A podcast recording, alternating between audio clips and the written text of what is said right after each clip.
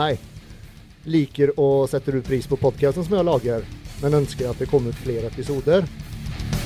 Nu har du möjlighet till att stötta mig och podcasten genom att bli en Patreon. Och med din stötte och med ditt bidrag så får jag en möjlighet till att bruka mer tid på podcasten, vilket att jag kan laga fler episoder.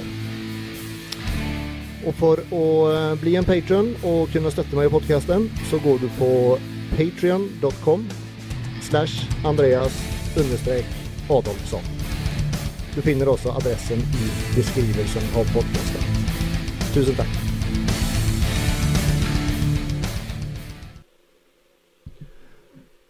Hej folkens och välkommen till en ny episod av i Formel.no Bodybuilding och Fitness Podcast. Eh, det har ju varit någon uke sedan sist gång för det blev en eh, del avbokningar dessvärre. Men eh, nu är vi tillbaka. Eh, kan ju starta med eh, den giveawayen som vi körde sist då jag hade med, det var väl Roger Holsäter. Eh, och den som då vann en SG med Big 100 bar från Proteinfabriken. Det blev eh, Jeanette Valle, eh, också känd som träningsfrua på Instagram. Eh, du kommer få en melding av mig eh, Eh, med lite info vad du ska göra för att få den tillsänd till posten. Eh, det är ju lite, eh, lite sån feiring idag för det är ju episode 50 eh, som vi runder. Eh, skulle ju som sagt egentligen haft med då för någon vecka sedan Arild Haugen men han var nött till att avboka. Eh, men jag har fått med mig ett annat stort namn här idag. Och det är en kar som eh, bor i min gamla hemby faktiskt, Göteborg.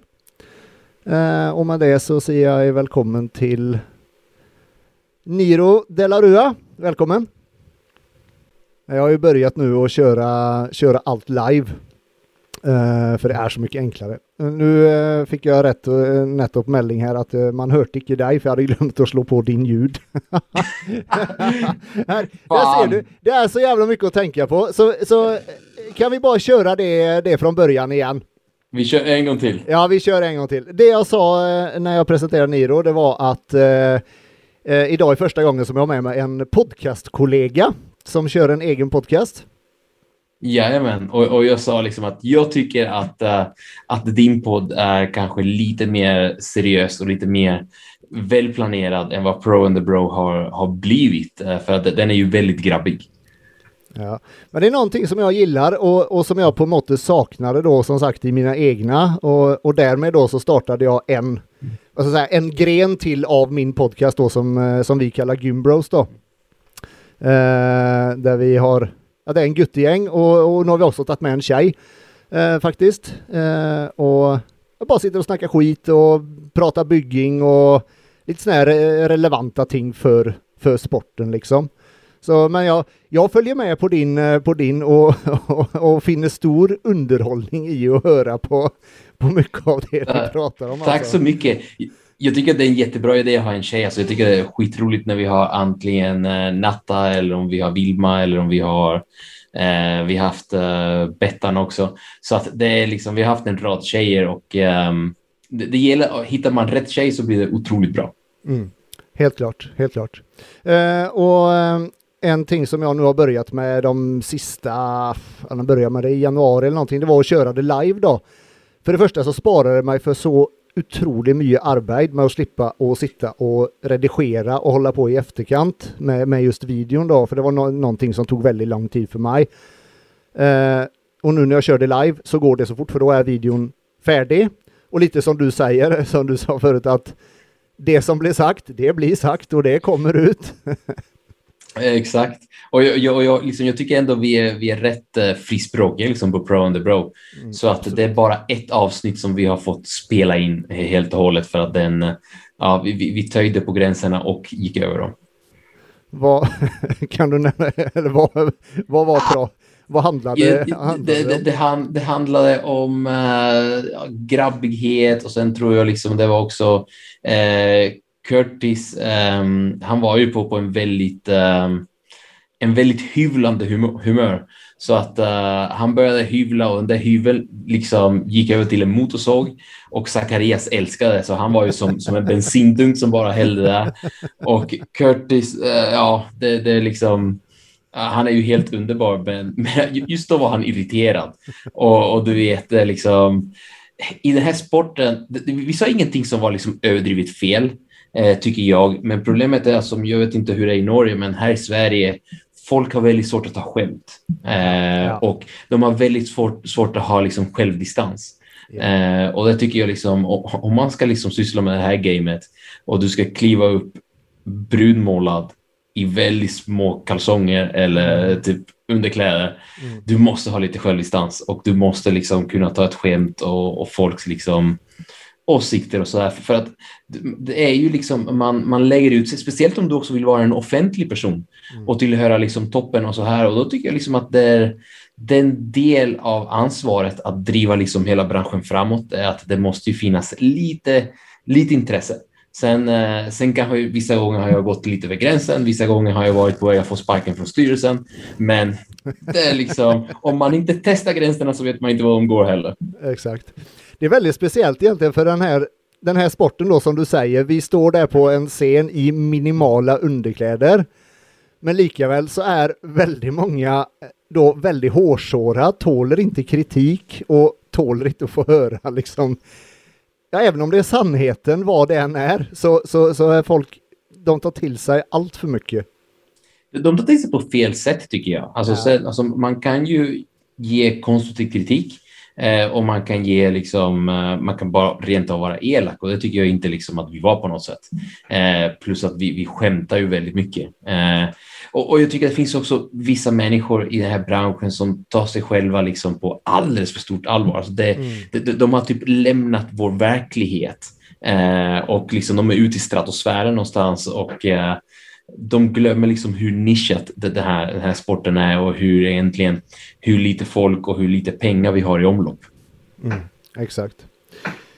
Eh, nog om det. Eh, för att, innan vi går vidare, kan inte du bara ge en kort presentation av dig själv eh, för de som kanske inte vet vem du är? Vem jag är? Jag är, um, vad ska vi börja med? Jag är naprapat, steg ett, eh, legitimerad naprapat här i, i Göteborg. Jag har en klinik på andra sidan rummet här.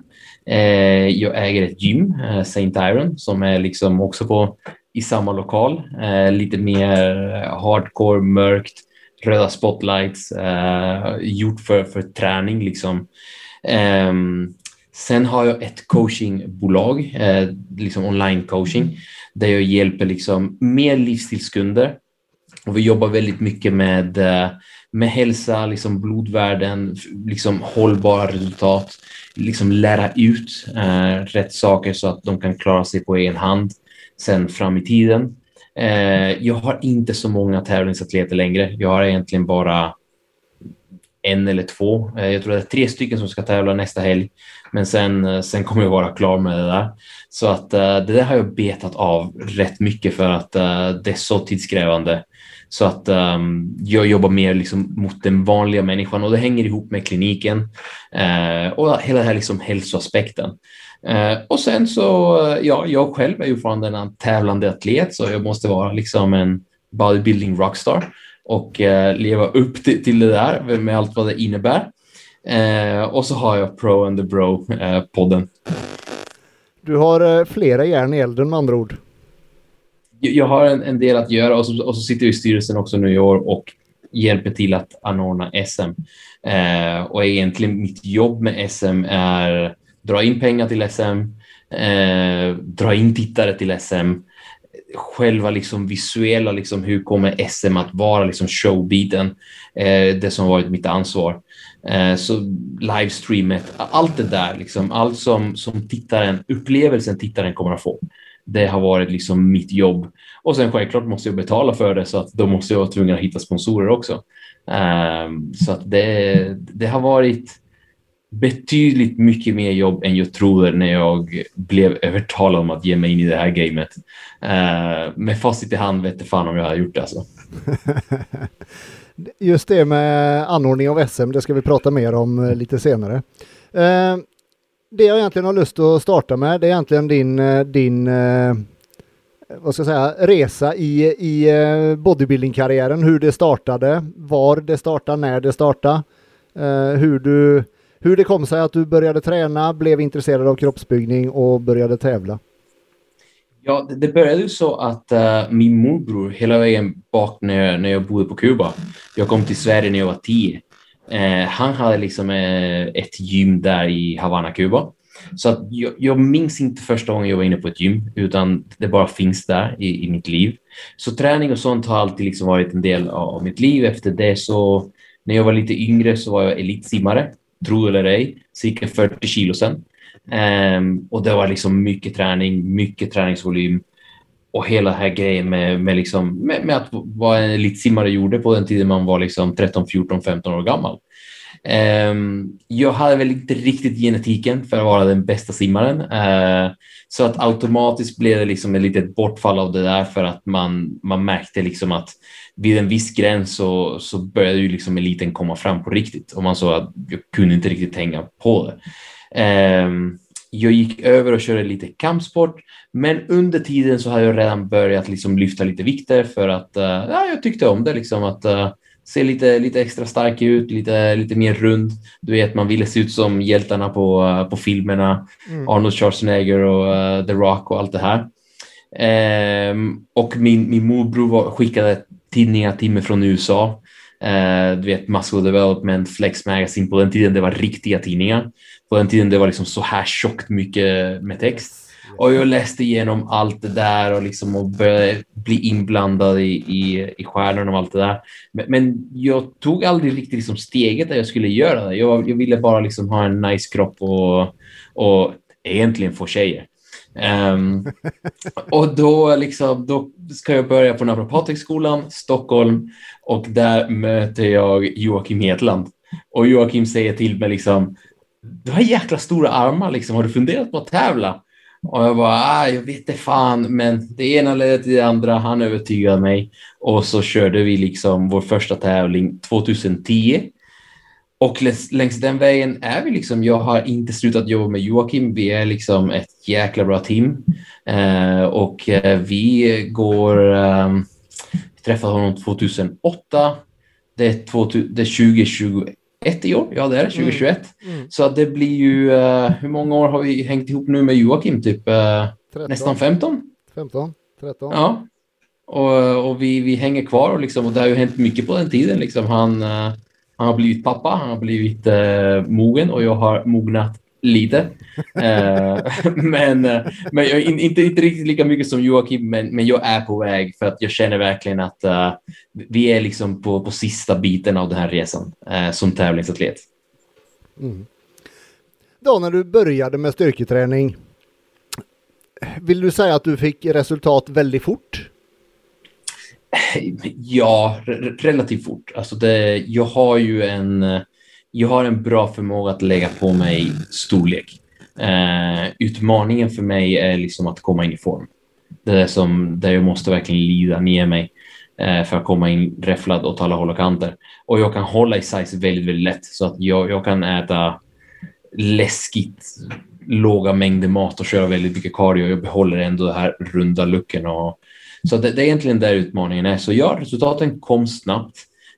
Um, och, och det blir också så liksom när, när man verkligen säger liksom okej, okay, men nu kör vi. Jag tror jag var 19 år gammal mm. när, uh, när vi sa okej, okay, men nu ska vi liksom börja träna för att tävla. Uh, då var det liksom som en ny växel gick in i mig och, uh, och, och, resultaten gick faktiskt rätt. man, tog, man tog liksom snabba steg, det jag gjorde. Mm. Vilken viktklass var det du tävlade i första gången? Första gången så eh, det var mycket som gick fel den dieten. Eh, jag och Joakim var inte ens hälften så pålästa som vi är nu. Eh, så att jag tävlade i minus 70. Vi, vi verkligen liksom pushade plattan i mattan i, i 20 någonting veckor och vi släppte aldrig gaspedalen. Så att det, var, det fanns inte mycket kvar av mig, men minus 70. Men bara liksom, sen folk, folk tror att jag gjorde en sån jäkla transformation, men egentligen var det väldigt mycket muskelminne som kom tillbaka i början. Mm. Eh, för att andra gången jag tävlade var 2013. Eh, och då gick jag upp till minus 90. Ja. Och, det, och där är jag mer eller mindre kvar, minus 90. Sen, sen gick jag upp i minus 100 eh, eller slash plus 90. Eh, för att eh, på den tiden i Sverige började man dela av där, men nu har vi gått över till eh, minus 95. Och det, det, är egentligen den klassen jag alltid liksom har hägrat där omkring. När jag, när, när jag går över 95 så är det inte riktigt en crispy och bra look. Um, så att under 95 är kanon för min höjd också. Hur hög är du? 1,71 och en halv. 1,71 och en halv, ja. Uh. Um, just, eller jag, som sagt, jag följer ju med på din, eh, på din eh, podcast och utifrån vad jag har förstått så du pratar om att bli, bli ordentligt räfflad då. Det är det som är det stora problemet. Men utifrån vad jag har förstått så måste du gå jävligt lågt på kalorierna. Ja, Stämmer det? det, det jajamän, det, det, det är tufft. Det är liksom... Uh, men, men, men å andra sidan, jag tror att min styrka ligger i att uh, alltså, när vi kommer där runt sex, fyra veckors utsträcket mm. eh, och man verkligen pushar hårt så, så, får jag in en annan växel och jag kan klara av att prestera väldigt bra på, på väldigt låga mängder mat. Och jag tror att det är egentligen där jag kör om de flesta. Eh, för att som regel när, de kommer, när man kommer till sex, fyra veckor ut, då börjar liksom psyket verkligen ta emot. Mm. Man börjar bli tömd och hela det och de börjar liksom sakta ner och de kan inte riktigt prestera. Medan jag, liksom, jag fortsätter som en raket eh, hela vägen upp. Och det, allt det sitter i huvudet egentligen. Det, det är rent psykologiskt och eh, önskan om att, om att vara så bra som man kan vara.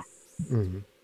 Är du en sån person? För några personer är lite sådana på, på just den uppköringen till konkurrensen att man de på en måte liker och och, och, och, och skickligt tyne sig. Att man verkligen kör hårt. Att man på en måte liker det. Är du en sån person som jag, jag, gillar, jag gillar den extrema disciplinen som krävs. Mm. Uh, jag gillar att vara inne i den här bubblan. Uh, jag vet att det inte är produktivt för resten av mitt liv att vara inne i den bubblan uh, allt för länge. Men, men alltså om, om jag kunde få betalt för det där mm. och, och liksom ha ett bra liv och ta hand om min familj och eh, hela köret för att ha just det jobbet så har jag inte haft några problem med det, för jag tycker om det eh, jag tycker verkligen om att känna mig liksom som, som att man har ett väldigt starkt syfte, att man har ett väldigt starkt fokus.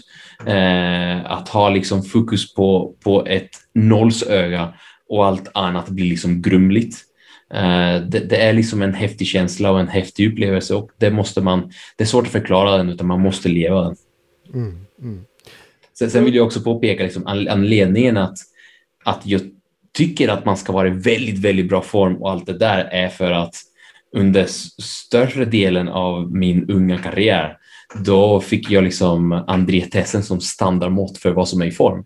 Och okay. då liksom, då, då, då, när man sätter ribban där, då förstår du vad som är i form och vad som inte är. Yes, yes. Men hur lågt går du egentligen på kalorierna? Sån helt på sluten? Då fyra veckor ut? Mm. Du vet, vi räknar inte, alltså jag och Joakim är inte kalorifantaster, utan vi, vi utgår mer ifrån gram. Men det kan mycket väl vara så liksom att jag kan vara hela vägen ner på um, um, ska vi räkna lite min, min, min huvud. Huvudräkning är inte det bästa, men jag kan vara nere på 25 gram protein per måltid utan att tappa size. Och då är det sex måltider per dag? Ja, precis sex. Så det blir, vad blir det? det blir 150, 170 Oj. någonting. Ja, det är lågt. Gram protein. Eh, eh, liksom inga kosttillskott whatsoever, så att jag reagerar väldigt starkt på sötningsmedel. Så att liksom jag bara dricker vatten eh, och det verkligen torkar ut mig ordentligt och sen eh, carbsen, när, vi är så låga, då är det liksom jag Joakim hörs av varje dag och då anpassar vi carbsen från dag till dag. Mm. Men vissa dagar kan det vara noll, noll carbs och då är det typ tusen kalorier om dagen. Så, så det, men, men man hänger inte allt för ofta. Det blir liksom, man är där nere kanske en dag, sen måste man skjuta upp. Sen kanske man jobbar ner sig, gräver ner sig, skjuter upp. Så att det går liksom upp och ner. Så att carbsen kan vara allt ifrån 100 gram ena dagen till 600 andra dagen. beroende på liksom vad fysiken eh, behöver och vill ha. Okej, okay.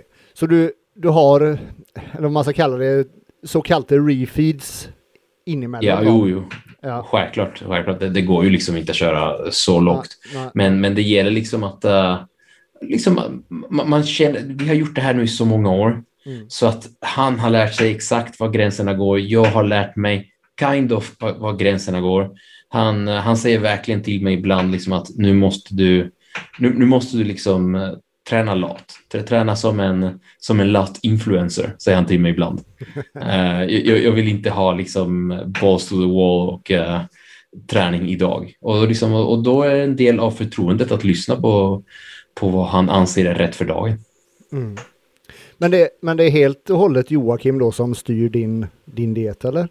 Ja, det, det, det är det. det är liksom, han får väl 100% kontroll från cirka sex, sju, sju, sex, åtta veckor ut. Alltså han vet exakt vad jag gör nu och jag skickar liksom från bild till honom en gång i veckan.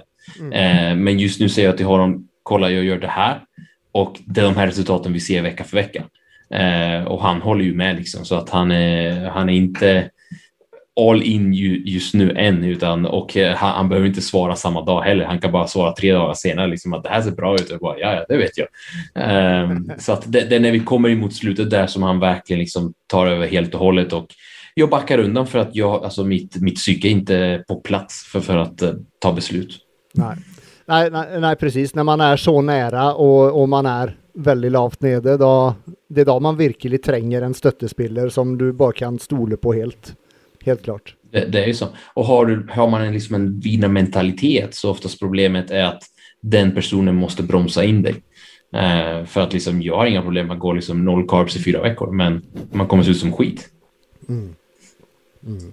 Och det, just det med att komma in crisp och hard, det är ju på en måte lite av din, vad ska jag säga, din grej då. Ja, ju... tack. Jag, jag, hoppas det. Uh, jag, tror aldrig jag, jag tror aldrig jag sett dig i dålig form. Ah, det, det, det, var några tävlingar utomlands då vi, då vi liksom tänkte att uh, jag tycker där runt um, ehm, 2017 2017 var liksom då vi tänkte liksom att uh, men, kanske ska vara mer size, kanske ska vara mer fylligt, mer runt. Um, men det var bra. Det är bra vi fick testa det och eh, lära oss att nej, det ska det inte. Så att, eh, plus att det kändes inte bra för mig. Det kändes som att liksom, vad fan, det, det, det, man, man, känner att vissa saker fattas. Um, för man har gjort och man vet liksom hur man mår vid ett visst fettprocent. Så att um, ja, man måste ju ändå testa sig fram. Jag uppmuntrar alla som lyssnar att testa lite olika looks, liksom. bara inte gå all in för en för du vet inte vad, vad det andra kan ge dig. Men eh, efter vi hade liksom experimenterat med det där, då var det verkligen från 2018 och framåt. Då vet vi liksom att ah, det är bara att vi vet vad som funkar, det är bara att köra och eh, hålla käft. Mm. Jag hittade faktiskt en, eh, för jag var i eh, Nordiska 2018 så var jag på i Stockholm och filmade och då eh, filmade jag dig på din eh, friposering bland annat. Så jag tänkte vi kan köra den här för att så kan folk som ser på eh, som kanske inte har sett dig på scen få se hur det ser ut. Nordiska 2018, kommer du ihåg den tävlingen eller? Jajamän, det, det minns jag. Jag hade inte druckit vatten på nästan två dagar för fan. ja, du tävlade på, på, först var det tyngre ena dagen och så var det väl nordiska dagen efter, var det så? Jajamän.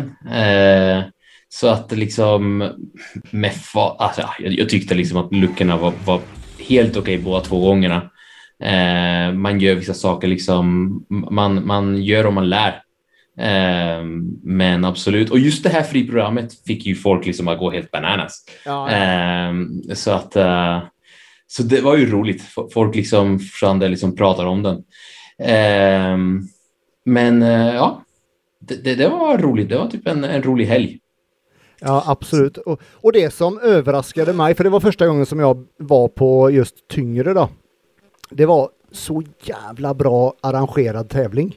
Oh ja, det, det var en riktigt bra, det var lite som en, som en normal classic skulle Absolut. man kunna säga. Mm. Och de, de hade också strongman, de hade expo, de hade liksom hela köret och allt det där. Så att uh, ja, det, det, det, var bra. Fantastiskt bra.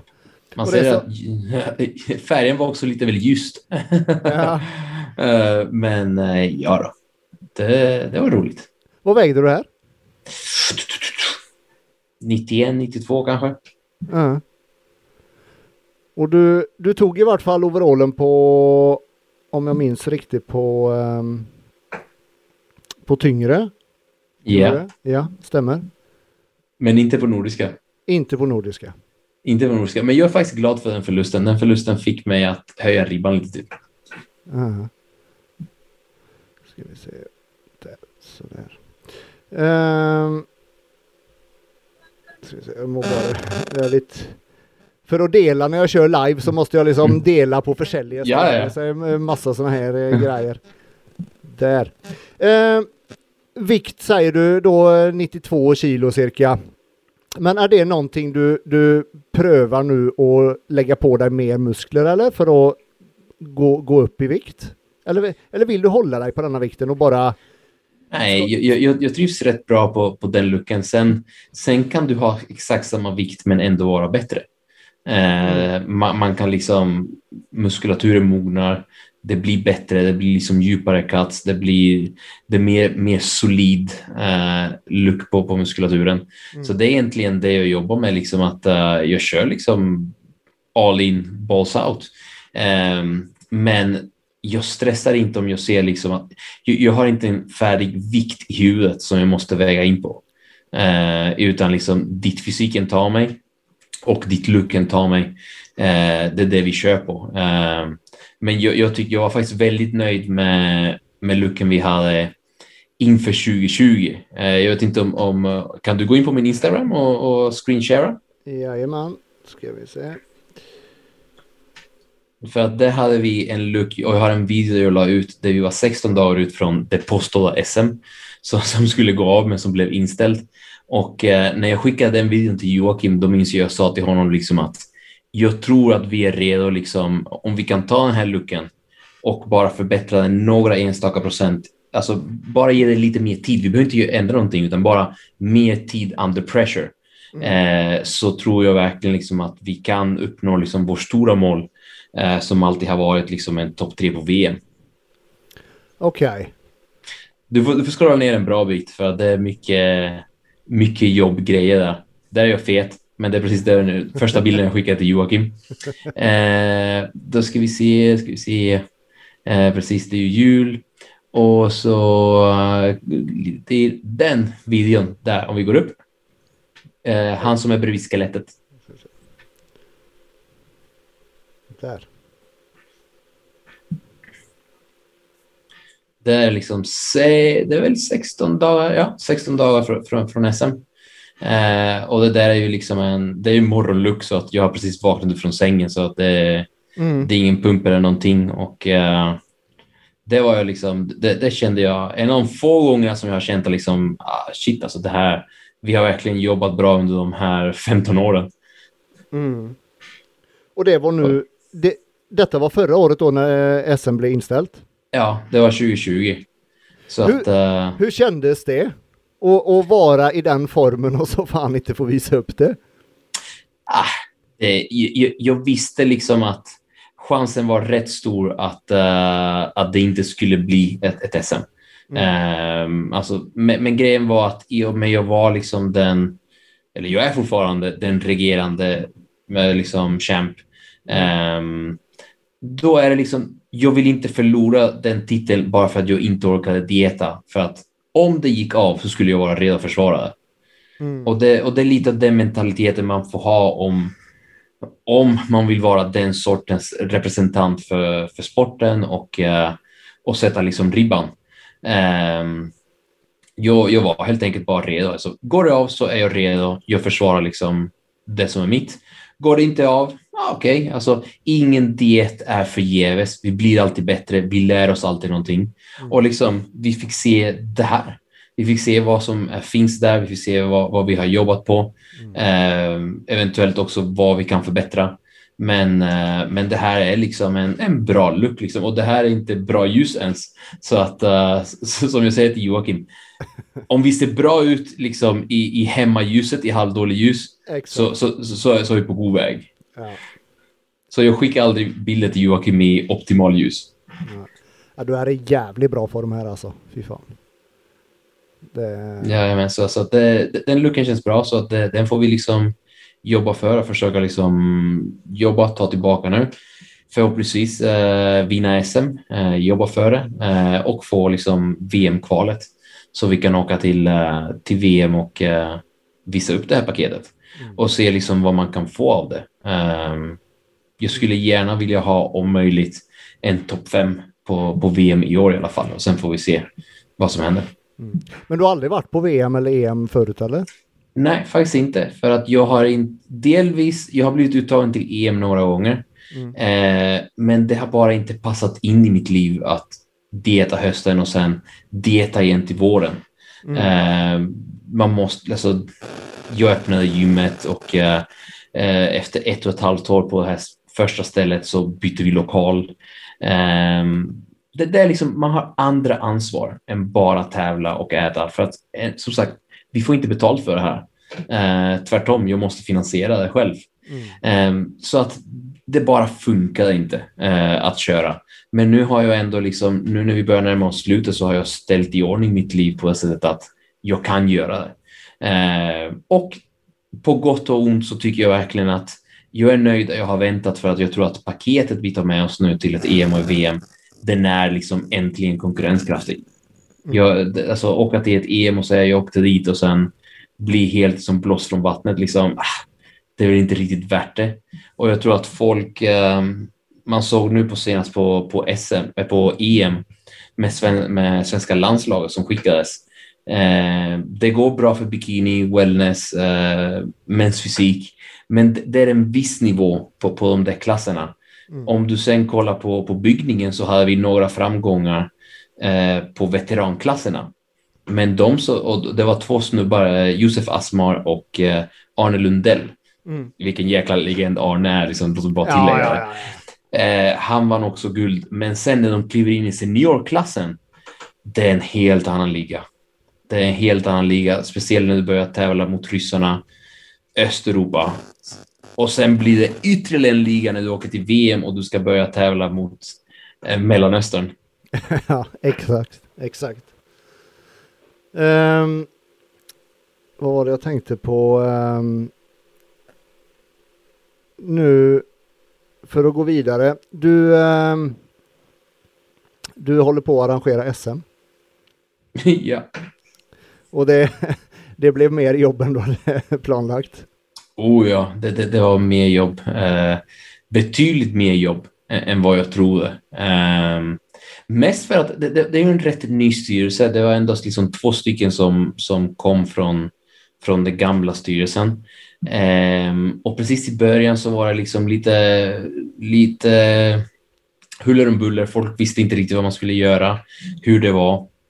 Och jag hade en viss aning vad jag hade tänkt göra. Men sen så uh, insåg vi väldigt snabbt liksom att ja, men det, krävs, det krävs mer jobb och det krävs att någon verkligen bröstar den uppgiften. För att om inte någon gör, om inte, om inte jag gjorde det, då skulle det inte bli av. Uh, så att, och jag är en sån person som tyvärr liksom gärna liksom jag, jag, jag tar kontrollen och jag tar liksom säger, men okej, men jag tar hand om det här. Det här blir mitt ansvar. Mm. Uh, sitt ner, sitt ner Rebecka, jag sköter det här. Um, och det, det, det, kräver liksom en del jobb. Det krävdes en del um, headbutts med, med, med, några liksom personer. Uh, så det, det, var, det har inte varit liksom eh, friktionsfritt. Uh, det, det, har hållits ett möte om att försöka få mig sparken. Eh, men, eh, men, men det blir ju så. Jag, jag, jag, förstår att jag kanske liksom gick lite över gränsen. Typ det var på en, på en podd på Tyngre. Men det handlade också om att jag vill ha de reaktionerna. Jag vill liksom att folk skulle tända till och förstå liksom att det, det, liksom, det, det blir en förändring nu. Eh, på gott och ont, om du blir kränkt eller inte, det blir en förändring. Eh, för att jag, jag kan fan stå fast vid att jag tycker inte att SM har hållit den standard det borde hålla. Um, och sen... Um, Vad tänker du då? Är det så som det är arrangerat eller? Allt. Allt, all, allt från, uh, från scenen till showen till, till upphypningen till, uh, till liksom streamen, kvaliteten på streamen. Mm. Uh, allt, egentligen allt. Alltså från, från botten upp liksom, göra allt nytt. Och det, och det är liksom en jäkla uppdrag och sen blir det ytterligare ett uppdrag när, när det inte finns några pengar och man måste ut liksom och samla dem från, som från sponsorer. Mm. Um, så att, um, ja, men um, och jag har inte gjort det här helt själv också. Det finns liksom några bra personer som, som ska nämnas liksom inom styrelsen som har hjälpt till och stöttat och uh, gjort sin del av det de ska göra. Så att, men, men nu är vi klara. Liksom. Vi har en riktigt häftig lokal. Um, vi kommer att ha en riktigt bra stream. Vi har ett bra bolag som är kopplat för ljus och ljud och det hela visuella. Eh, vi har två riktigt grymma content creators kopplade. Eh, Robin, Robin for Life eh, finns mm. på, på Instagram och ni har säkert sett honom och vad han gör. Och Viktor Kjellberg har verkligen steppat upp på sista tiden.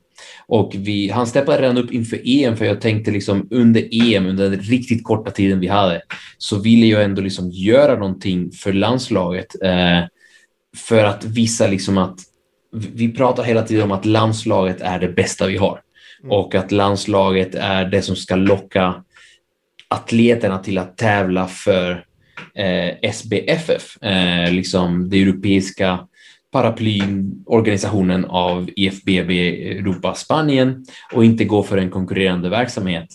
Eh, så att landslaget är den stora moroten. Mm. Men det finns ju ingenting om landslaget. Folk visste fan inte ens vilka som åkte. Eh, och då liksom, delvis stod vi upp det via podden, det, liksom vi gick igenom fysikerna, vi gick igenom vilka som åker. Sen hade vi en wrap-up, Viktor fick åka med, han fick skapa promos inför EM för varje respektive atlet. Han var där och tog en massa bilder och liksom uppdaterade livestream. Och det här EM eh, är en av de mest, jag upplever det som en av de mest följda och att folk förstod vad som pågick under de där dagarna. Mm. Um, bara av det som jag såg på, på Instagram och repost och att folk grattade och allt det här. Mm. Så att um, det var en, en liten seger där och inför SM ska det bli ännu bättre. Mm. Um, ja, för jag vet du bland annat nu planerar att köra små, små videor där du följer vissa atleter inför SM. Jajamän, så vi har, vi har sex stycken eh, affischnamn. Eh, det här är steg ett. Så, för så här är det. Vi, vi, vi, vet ju liksom genom tiderna liksom att när det har funnits en affisch för Oslo GP eller, eller norska mästerskapet eller SM. Det är, liksom, det är någon bild på någon person där och den personen ska fan inte ens tävla. Och det är liksom, men, men hur tänker vi här? Liksom, vad är det vi säljer? Vi måste tänka liksom att vi måste vilja det som är reklam ska leda till att personen blir intresserad av att se vad som händer. Eh, så att steg ett är, var liksom att leta upp de här sex personligheterna för varje gren som skulle liksom in och försvara sina titlar från 2019. Så vi har en, eh, en wellness, vi har en CBB, vi har en MP, vi har en women's fysik, vi har bodybuilding, jag har fått bröstaddan där och sen har vi en bikini. Jag kollar ditt bort för jag har listan där. Jag har en, whiteboard där jag har liksom ritat alla namnen och sen ska jag liksom börja fylla in utmanarna till de här personerna. um, och liksom, vi har tyvärr ingen body fitness för det var ingen som, som ville kliva upp och fronta den. Uh, och jag kan ju självklart inte tvinga någon att, att göra det här. Vill du inte fronta din gren, cool by me. Bli inte sur dock om folk inte pratar om den eller du inte säljer. Och det finns ingen classic fysik heller, för vi har inte haft classic fysik i Sverige ännu, så det finns ingen champ att liksom lyfta och fronta. Um, och sen till alla de här frontfigurerna ska vi hitta tre till fyra utmanare. Eh, och då kommer vi skapa liksom en, storyline på väg fram mot SM att eh, den här personen ska försvara och den är den personen och den tror och gör och gör det här. Och sen har vi de här som vill ta titeln från den här personen och de har sin tro och sin, sin liksom förtroende för att de ska göra det. Och det ska liksom i min värld förhoppningsvis leda fram till att folk vill köpa liksom en stream och se hur slutar det. eller om de kan ta sig liksom till Västerås och köpa en biljett eh, av de begränsade platserna vi antagligen kommer att ha i publiken. Eh, utöver det så vill jag också ha en presskonferens på fredag. Så att där får man liksom avlossa de sista skotten innan, innan liksom tävlingen drar igång lördag och söndag. Mm. Det, det, är verkligen nytänkande här, för det är ju något som jag aldrig har aldrig har hört talas om eller att sett någon som gör för en konkurrens.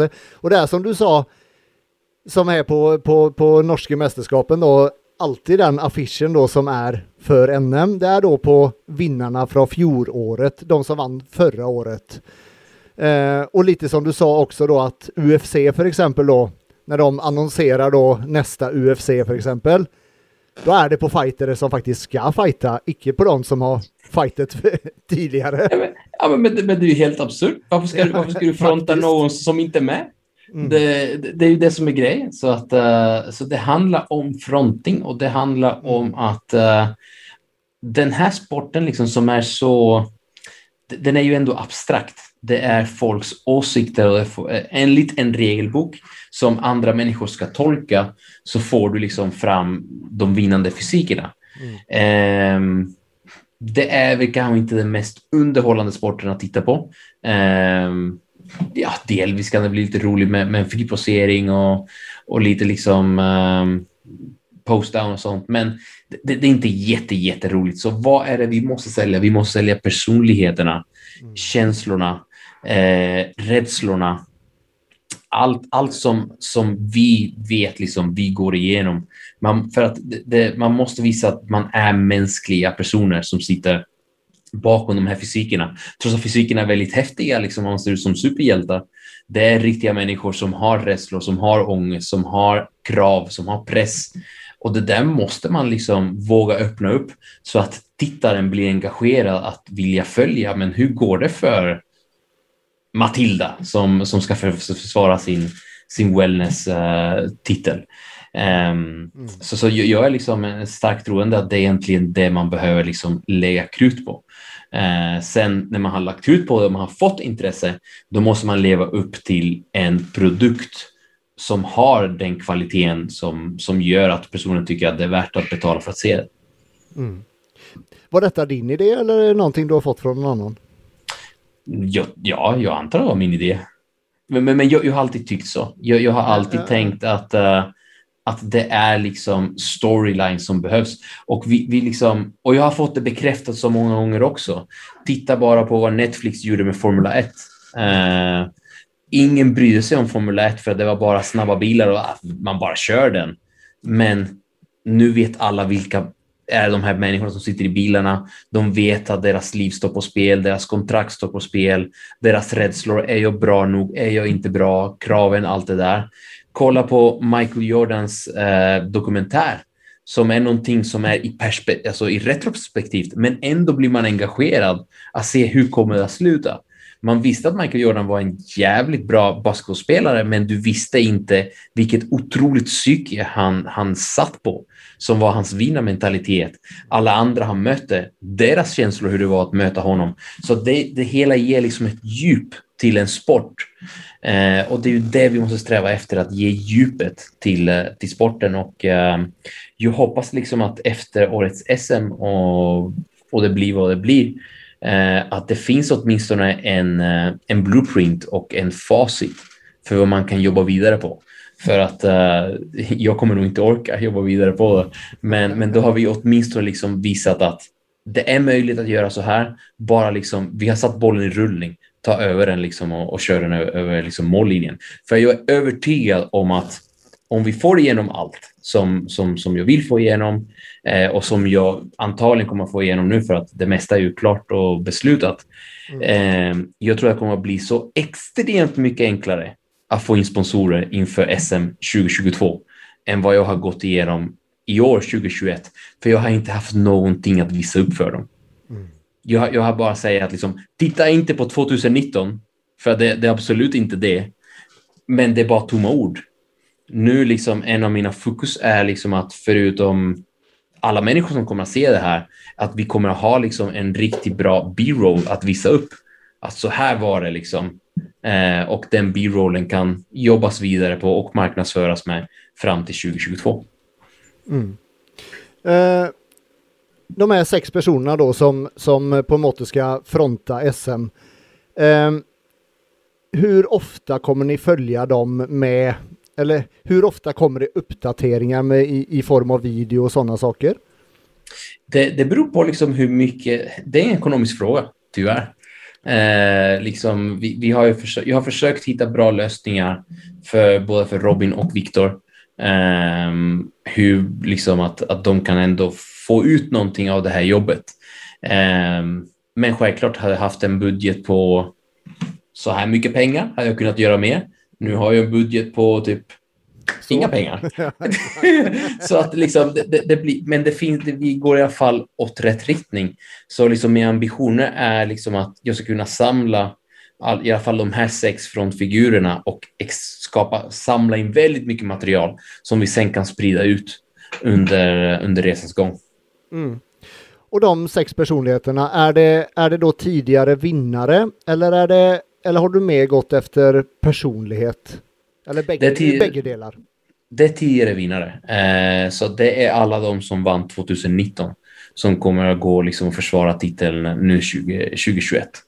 Eh, så och däremot sen utmanarna, där får vi kanske gå lite mer på personligheter och eh, vem har den här liksom instinkten att verkligen leverera och uh, kliva upp, liksom. som amerikanerna säger, step up to the plate.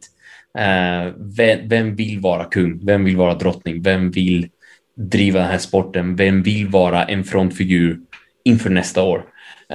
Um, och det hoppas jag verkligen liksom att folk släpper på handbromsen, uh, tänker showbusiness och um, bara liksom skiter i hela den här tävlan mot sig själv och uh, jag är bara glad jag kommer upp på scenen. Ja, och, och, om det är så du tänker, jätteroligt, jag är glad du ska tävla, uh, men det är inte det vi kommer fronta.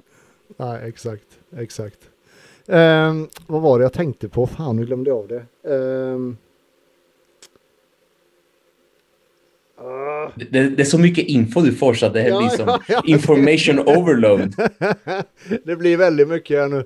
Nu, nu, om, om, jag får, om jag frågar dig, liksom, vem i Norge är liksom motsvarigheten till mig? Finns det någon som, som vill ta liksom, eh, NKF liksom, till nya höjder?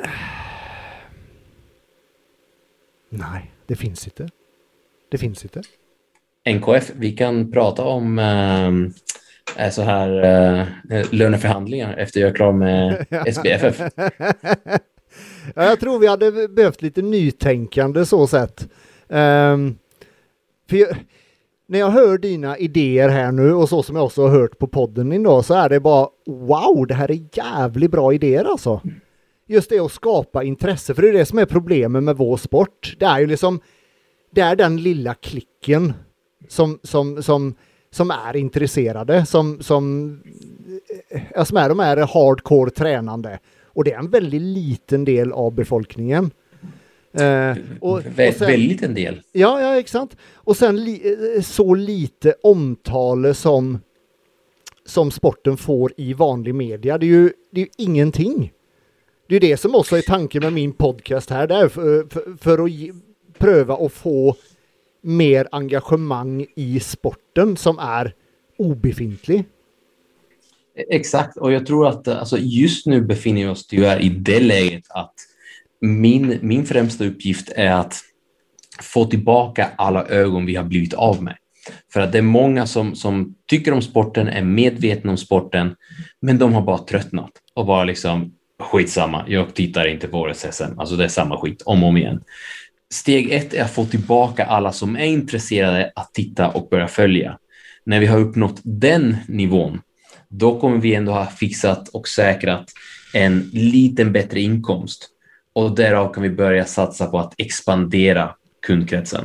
Men just nu befinner vi oss i det här liksom diket eller vad man nu vill kalla det, där vi behöver egentligen bara få tillbaka de som tycker om sporten från första grunden och ge dem någonting som får dem att känna wow, det var det här liksom, det, är det här jag har velat se.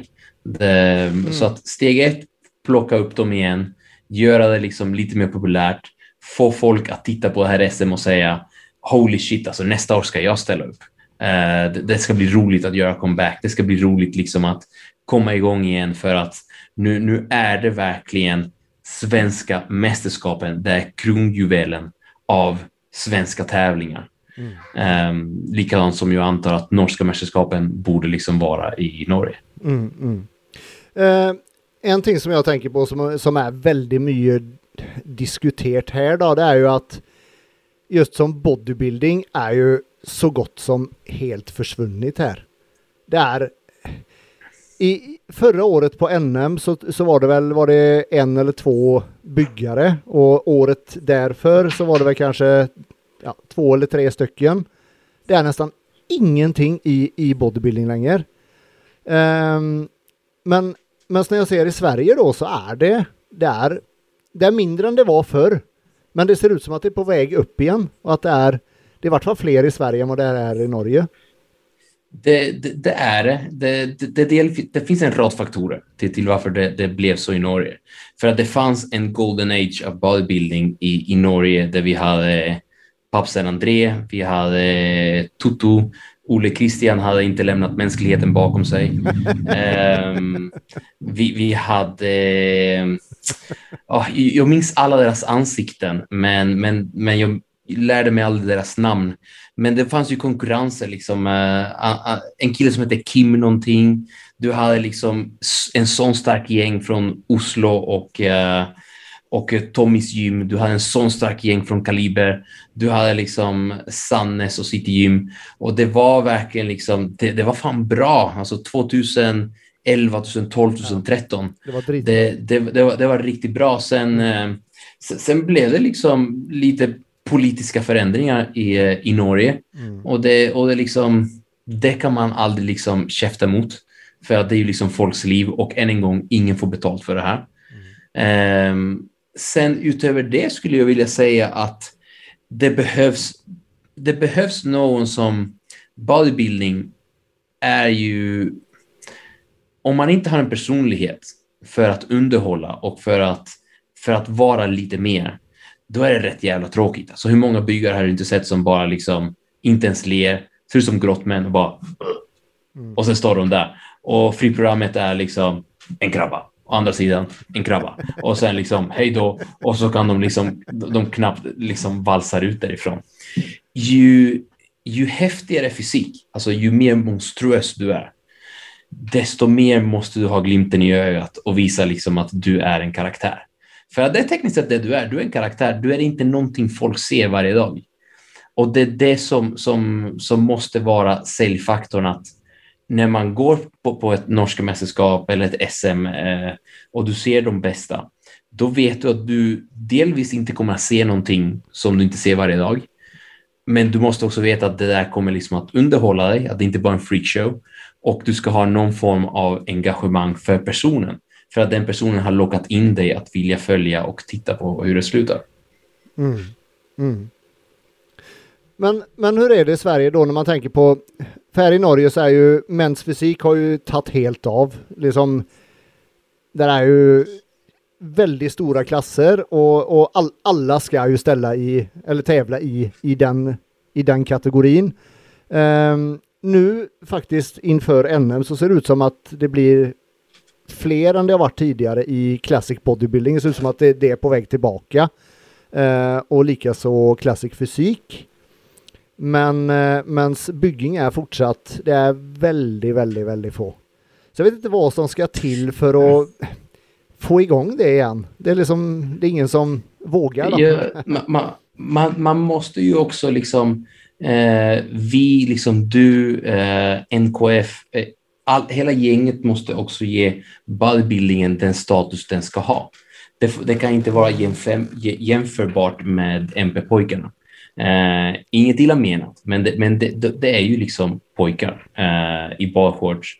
Och det, det, är bara det, det är en helt annan liga egentligen mm. när man tävlar liksom och liksom formmässigt och så här. Um, jag vet inte, man får väl liksom locka de här unga, unga grabbarna att inte stanna upp i utvecklingen för att självklart när, när en kille som är 18-19 år gammal ser en MP-kille och samtidigt så ser han mig så förstår han rätt jäkla tydligt att det kommer att ta en stund att se ut som mig. Det, det kommer inte att ske över ett, två år och de vill konkurrera nu. De vill bli kända nu. De vill ha liksom eh, en massa nya tjejer på sitt DM nu. Eh, men det där måste man liksom jobba till sig. Och uh, bros, jag kan bara säga liksom att uh, visst kan det vara roligt, roligt liksom att vara en MP-pojke och vara liksom en söt liten valp, men de flesta tjejer gillar de stora hundarna. Så att uh, det, det, det, finns, det finns få MP-pojkar som kan mäta sig med, med bodybuilding, rockstar, groupies-nivån. så så det, det, har ni, det har ni liksom en morot ni kan liksom jaga. Att bli, bli en bra kroppsbyggare och eh, resten ordnar sig själv. Dagens sanning från, från låt, the, låt mig, the Professor. låt, mig, låt mig förtydliga att de där dagarna är förbi. Jag har en flickvän, jag ska gifta mig med henne eh, och hon är helt underbar. Men, men på den tiden man var ung och man var bodybuilding rockstar, då, ska jag absolut, då är jag glad jag inte var en MP-pojke. Ja, jävligt bra. Jävligt bra. Men, men eh, det som eh, det som det verkar som här då, det är ju att eh, mäns fysik är liksom den, vad ska jag säga, den kategorin som är in då. Det är det som mm. är det populära, mer mainstream, kan man säga det? Är det samma jo, i Sverige? Men, jo, ja, jo, alltså självklart. Alltså, listorna är ju, det, är alltid mest eh, MP-killar. Det är alltid mest bikini också. Mm. Men, men det är bara för att det är ingångsporten. Alltså det, det är liksom level one. Eh, att, att komma in dit. Mm. Sen då och då ser man också de här fysikerna som, som en Pontus Koskelainen eller en, eh, ni har väl eh, Dennis, eh, Dennis någonting. Dennis Johansson. Eh, ja, och, och en gång i tiden, det, det fanns också en kille som hette Alex någonting. Eh, som också blev proffs rätt tidigt, men, eh, men jag, jag, tyckte han blev proffs lite för tidigt. Han, han, han, han kunde inte riktigt fylla in den ramen av, av proffs. Myrvold hette han väl? Alex Myrvold. Ja, ja, ja, ja stämmer. Ja. Mm. Eh, väldigt söt pojke. Eh, men, eh, men liksom när det kommer sådana som Pontus och som Dennis, du ser att de är gjorda för MP. Eh, och de har den ramen, de har den looken. Eh, och då tycker jag absolut att man ska köra det. Men mäns fysik är om folk, mäns fysik och bikini är en extremt genetisk förbestämd gren. Du kan inte jobba dig hårt till en bra placering i MP.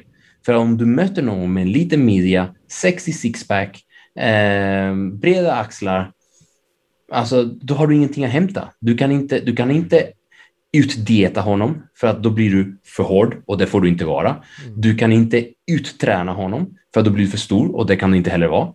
Så att det är genetiskt bestämt. Vissa människor är gjorda för MP, go for it. Men andra är inte gjorda för det, så stanna inte kvar i den grenen, utvecklas. Liksom ta steget och jobba upp dig för att det bästa med bodybuilding är att du kan jobba till dig till en riktigt bra placering. Du kan jobba till dig till en bra fysik bara för att bodybuilding ska vara freaky. Det ska vara hårt. Bodybuilding finns inga gränser.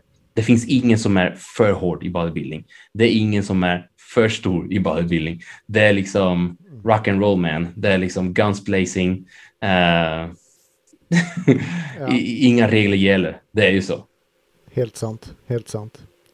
Men om vi ser på, på, på SM som kommer, hur har du någon sån förutaning hur, hur klasserna kommer se ut, hur många du får i varje klass? Har ni för exempel både minus 70, minus 80, minus 90, minus 100 och plus 100 i, i bodybuilding? Eh, vi har 75, 85, 95 och plus 95. Okej, okay. så ni har så, alla de klasserna? Så, jajamän, och, och då, då, brukar finnas folk i, i alla de klasserna. Eh, sen så, så självklart kommer liksom bikini och MP vara störst. CBB kommer vara liksom helt okej. Okay. Vi får se hur många classic fysik som dyker upp. Wellness är verkligen on the rise eh, och det är liksom rätt coola fysiker. Body fitness är en hel del damer också. Och jag, jag, räknar med liksom att om vi gör vårt jobb rätt här nu liksom och pumpar upp SM så, så vill jag jättegärna liksom sikta på allt ovanför 400 atleter skulle vara riktigt bra. Och jag tror att vi kommer att fixa det. Jag tror att, jag tror att hypen är igång. Jag tror att folk tror på det här och jag tror att um, några liksom kör bara för att, för att stötta det här liksom som vi försöker göra. Mm. Eh, så 400 atleter, det, det tror jag kommer vara rätt realistiskt. Kör ni det på två dagar eller en dag? Två dagar. Två dagar. Ja. 400 atleter ja. ja. Här, här har vi väl varit om det är många så är det cirka 300. Mm. Uh, jo, men, men, men, men Sverige är lite större än Norge. Ja, ja, exakt. Det är ju dubbelt så många ja. invånare. Uh. Det är ju så. Jag minns, uh, jag, jag minns när Norway Open höll på tills klockan liksom halv två på natten. för, att, för att det var så jäkla mycket och det var liksom det sista var bikiniklasserna och det var så många olika klasser. Jag var åh herregud, det var happy days. Samma sak liksom Eh, jag har väldigt fina minnen från, eh, från Oslo Grand Prix och norska mästerskapen där vi Oslos konserthus. Det, det är fina grejer. Om, um, innan jag lägger av med det här gamet, då ska jag i alla fall komma till Oslo Grand Prix en sista gång. Ja, för du, du, du bodde i Sandnäs en stund, gjorde du inte det? Jajamän, jag bodde där i tre eller fyra år. Jag tror det, ja. Ehm, studerade, jajamän, det var liksom... Studerade du eller vad? Nej, jag var bara där och jobbade som naprapat och tränade på City Gym och uh, snackade skit med snygga Alex och pappsen André bakom där vid City Gym och uh, hängde med Joakim. Det, jag, bodde liksom där och bara körde mitt liksom naprapat, coaching, uh, träna hårt, dieta, allt det där. Och det var, det, det var roligt. Jag kan sakna det ibland, verkligen. Mm. Det, det, fanns en viss... City Gym har en viss atmosfär som är extremt svårt att duplikera. Mm. Eh, det finns en gemenskap, det finns ett förståelse. Eh, och, och, just under den tiden hade Golden Age av norsk bodybuilding. Det, det var fan, det, det, var riktigt häftigt. Eh, ett, ett, namn jag också glömde nämna, Mark 9, minns ni honom? Ja, ja, ja. ja, ja. Mark, Mark liksom ja. i, minus, i minus 100 och The Englishman. Eh, jajamän, alltså det, det var så bra. Eh, Stavanger Open 2013 mm. är ju liksom en, en jäkla milstolpe. Eh, klassiker. klassiker. Ty, tycker jag liksom i, i norsk eh, bodybuilding och fitnesshistoria. Så att eh, nej, jag är faktiskt glad att jag fick chansen att, eh, att vara med under den tiden. Och jag är verkligen glad, det här säger jag liksom till allihopa, um, att jag kunde komma in i sporten via Joakim automatiskt träffa André, träffa Toto, träffa liksom hela det gänget där för att um, man kan väldigt lätt hamna på, på fel sport i, i, den här, i den här branschen och i den här sporten. Att, uh, att det krävs vissa saker för att man ska vara framgångsrik. Ehm, um, Medan där på City Gym och pappsen André, han lärde mig att det finns inget substitut för hårt jobb. Det finns ingenting. Det finns inga, inga finns inga magiska lösningar, finns inga magiska kosttillskott. Det, du ska bara grinda och jobba hårt. Um, och det där liksom, det är så fysiken formas. Uh, och det har jag liksom, jag har sån otrolig tur att jag kom in uh, och hade de här personerna som, uh, som förebilder. Um, än, än att det kunde ha gått helt åt pipan. Så man, du hör ju också stories om folk som sätter folk på olika planer och hit och dit och Mm. Det, det kostar om fan i ena njuren. Så att jag, jag har verkligen tur. Mm. Har, har du någon sån specifik förebild? Eh, förebild?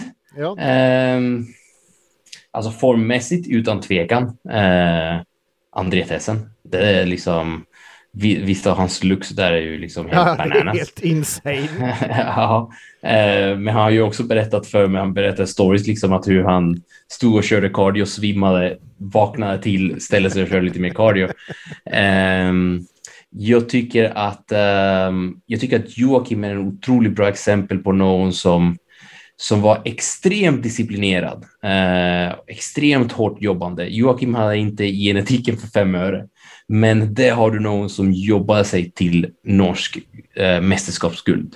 Mm. Eh, sen tycker jag, liksom, jag tycker att Ole Christian, att se, att se den resan han gjorde, den förvandlingen. Alltså, banne mig fan, man kan säga mycket om Ole eh, och liksom folk har en massa föruppfattade meningar om honom.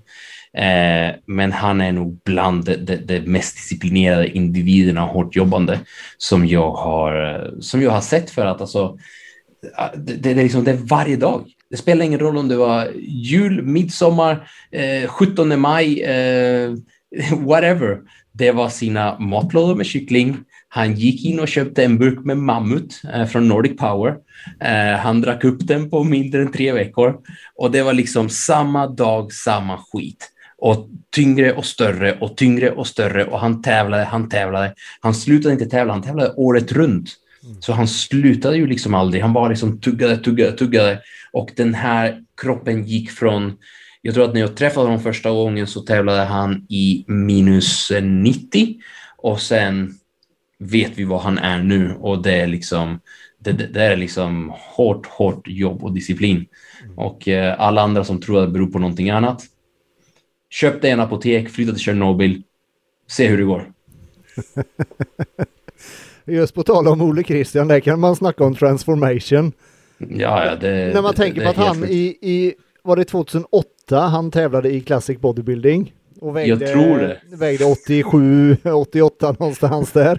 Ja, jag, jag tror det. Ja, det, är, det är helt sjukt att se. Jag tror det. Så det, det liksom, jag har verkligen turen att se de här liksom, grymma fysiken. Alltså, jag, jag minns Toto nu som är Toto har blivit typ uh, full-time viking. Uh, han, är kändis, han är kändis. Ja, ja han är känd så, som, uh, som Ragnar Lothbroks sista levande arvinge. men, men alltså, han jobbade också hårt. Han körde fan så mycket cardio och han tog hand om sin familj samtidigt. och han var riktigt pretty boy. Otroligt fin posering också. Det, det är liksom självklart för att André var ju liksom poseringskungen. Så att allt det där spred sig över alla de tävlande i, i sitt gym och det, ja, det, det, är liksom, det är fina grejer, fina minnen. Mm. Är den, som du, du pratar om den atmosfären som var, som var på Citygym, att den är svår att återskapa. Är det någonting du har prövat att återskapa på ditt egna gym? Jag, försökt, jag försökte. Jag försökte men, eh, men nej, det, det gick inte. Jag vet inte om det är en brist i mig eller eller brist i de andra människorna. Men egentligen, jag har liksom en tät cirkel av människor som består av typ fem personer. Mm. Eh, sen, sen litar jag inte på någon annan och, eh, och jag är inte intresserad heller att lära känna någon annan och lita på dem.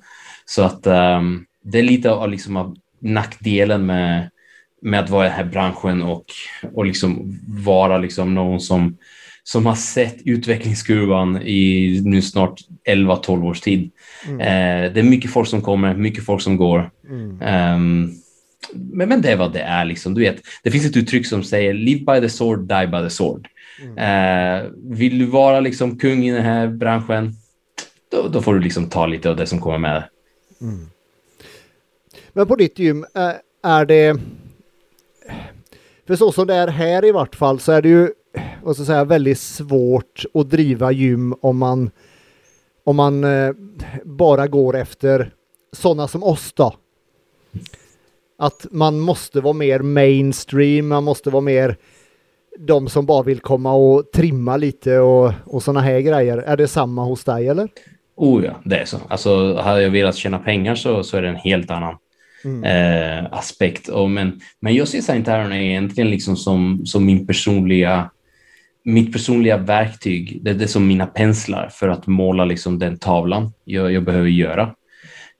Um, när karriären är slut så får vi se vad jag gör med St. Aaron och hur jag formar om den. Uh, det kommer antagligen inte ens heta så. men, men jag har ju pla jag har planer för det, utan tvekan. Um, liksom utvecklingsplaner, framtidsplaner för, för gymmet. Eh, och det kommer inte vara det det är idag. Det, absolut inte. Men just nu är det det jag behöver.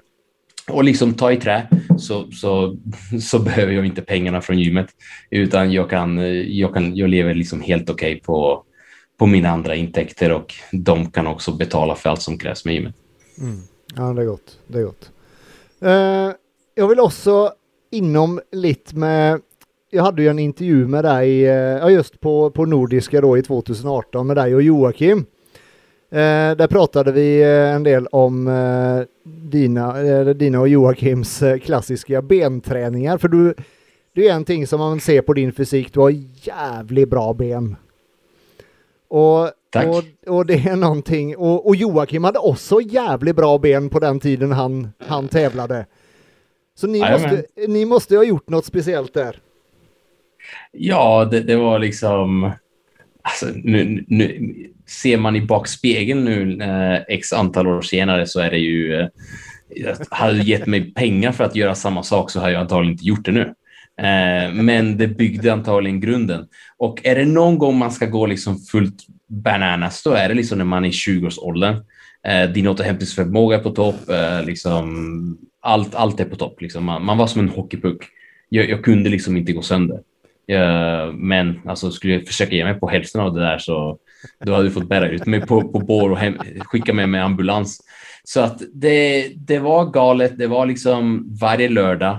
Eh, det, det, var liksom en hel ritual som började fredagskvällen efter, efter skolan med vad man skulle äta, hur man skulle sova, när man skulle vakna upp på lördagen, eh, x antal måltider, ta sig in till gymmet, göra träningen. Efter träningen så var det liksom gainers, självklart. Vi hade en jäkla gainer som hette Mutant Mass eh, som Rich Piana gjorde känd och det var så jävla tjockt så man behövde två shakrar.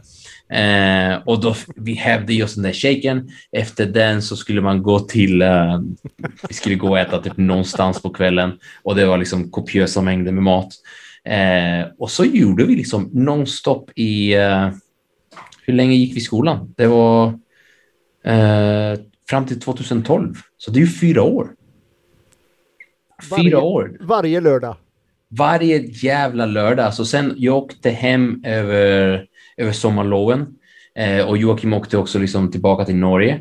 Eh, men då var det så liksom att vi, vi hördes av via, via Facebook eller Messenger eller det vi hade och liksom att eh, jag, jag körde så här mycket. Eh, hur gjorde du? Ja, jag, jag körde så här många reps. Aha, och det var liksom så, så, så det, det, blev liksom en, en upptrappning hela tiden så att och ingen ville komma tillbaka till nästa års terminstart och, vara liksom, och inte kunna hänga på den andra. Så det, det var liksom, det, det, var en religiös eh, lördagsgrej. Och folk kommer fan aldrig förstå liksom den här känslan av att ha, gå runt med konstant träningsverk i sex dagar varenda jävla vecka. Mm. Eh, och folk i skolan brukade eh, skratta åt oss när vi gick i trapporna eh, efter föreläsningar så därför vi var så långsamma och vi hade så mycket ont eh, men ja, men det var så vi byggde grunden och intressant nog, det var inte mycket knäböjande. Joakim var inte så jättebra på knäböj. Jag, fick, jag har aldrig riktigt fått till det heller rent biomekaniskt. Så det var samma skit varje vecka. Benspark, hackskott, benpress, alternativ benspark, benpress, hacksquat, utfall, lygande baksida lår, uh, sittande baksida lår raka mark. Slut. Okej. Okay. Så väldigt, väldigt lite eller nästan ingen knäböj då säger du? Nej, faktiskt inte. För, för det, det, funkar helt enkelt inte för oss. Det, det, jag tycker det är en sån grej som folk måste liksom, man måste ta hänsyn om vi ska, om eh, nördnaprapaten ska komma in så folk måste ta hänsyn till deras biomekaniska läge och hur rörelse tas ut i, liksom, deras kropp. Eh, och alla är inte gjorda för att få för att vara bra på knäböj. Likadant som alla inte gjorda för att få bra bröst från bänkpress och alla inte gjorda för att få en grym rygg från marklyft. Eh, så att man ska liksom se över hur ens fysik är formad och vad som funkar bäst eller inte. Mm, mm. Men hur, hur kunde en träning se ut då? Då tänker jag på antal set och antal reps och för jag räknar på att ni körde allt till failure. Ja, det, det var ju, det var liksom, vi började väl med, det kunde vara liksom upp till sju, åtta sets benspark för det var liksom en upptrappning ner för stacket. Eh, sista, sista setet var liksom en dropset hela vägen upp till stacket.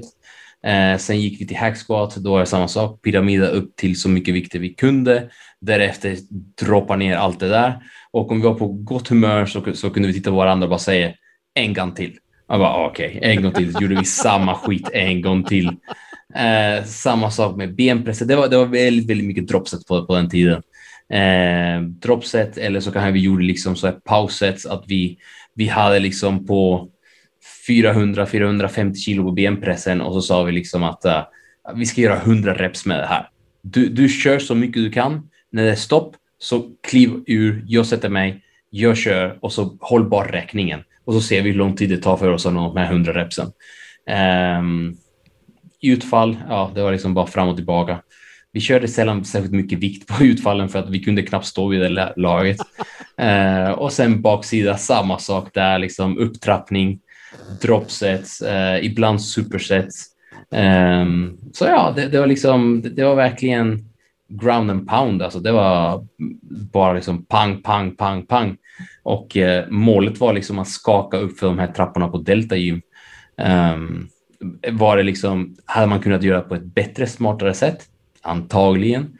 Men, eh, men ibland är liksom praktiken och teorin helt olika saker. Samt att den där sortens träning, alltså det, det bankar in ett visst mindset som, som ja. man kan liksom yes. gräva fram då och då, liksom, speciellt de här liksom sista, sista veckorna, liksom, för att vi dog inte. Så det betyder liksom att vi tål det, det är bara att det är obehagligt.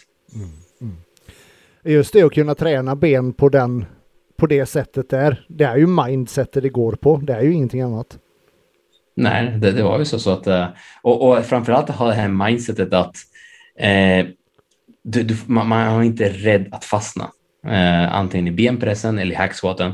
Och vi slutade egentligen inte förrän det var verkligen så här på håret liksom. Att det var knappt att vi båda två kunde få upp en benpress. Alltså det, det, det är ju rent av liksom farligt. Men, men som sagt, vi var liksom 20-ish och då, liksom, då är det liksom no fear. Mm, mm. Men jag räknar med att du tränar inte i närheten på, den, på det sättet idag?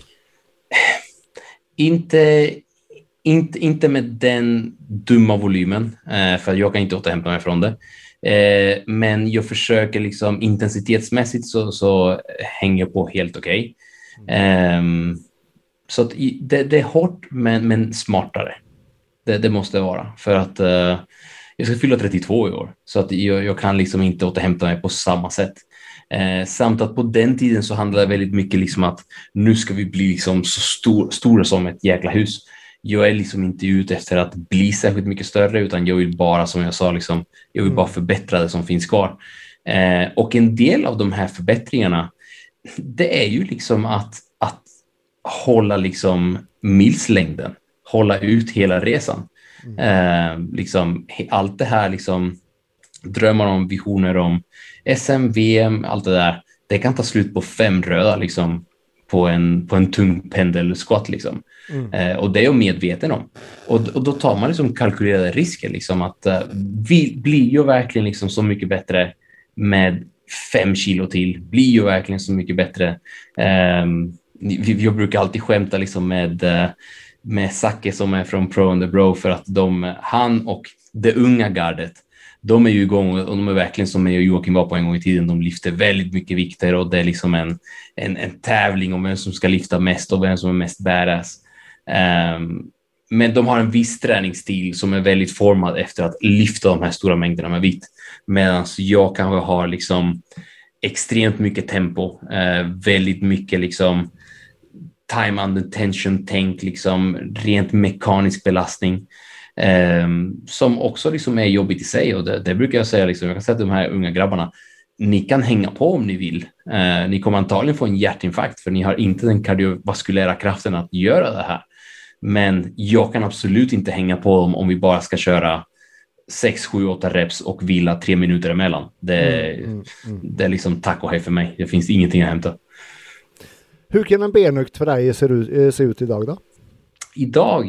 Eh, det är typ lite, vi kör benspark fortfarande, kanske först.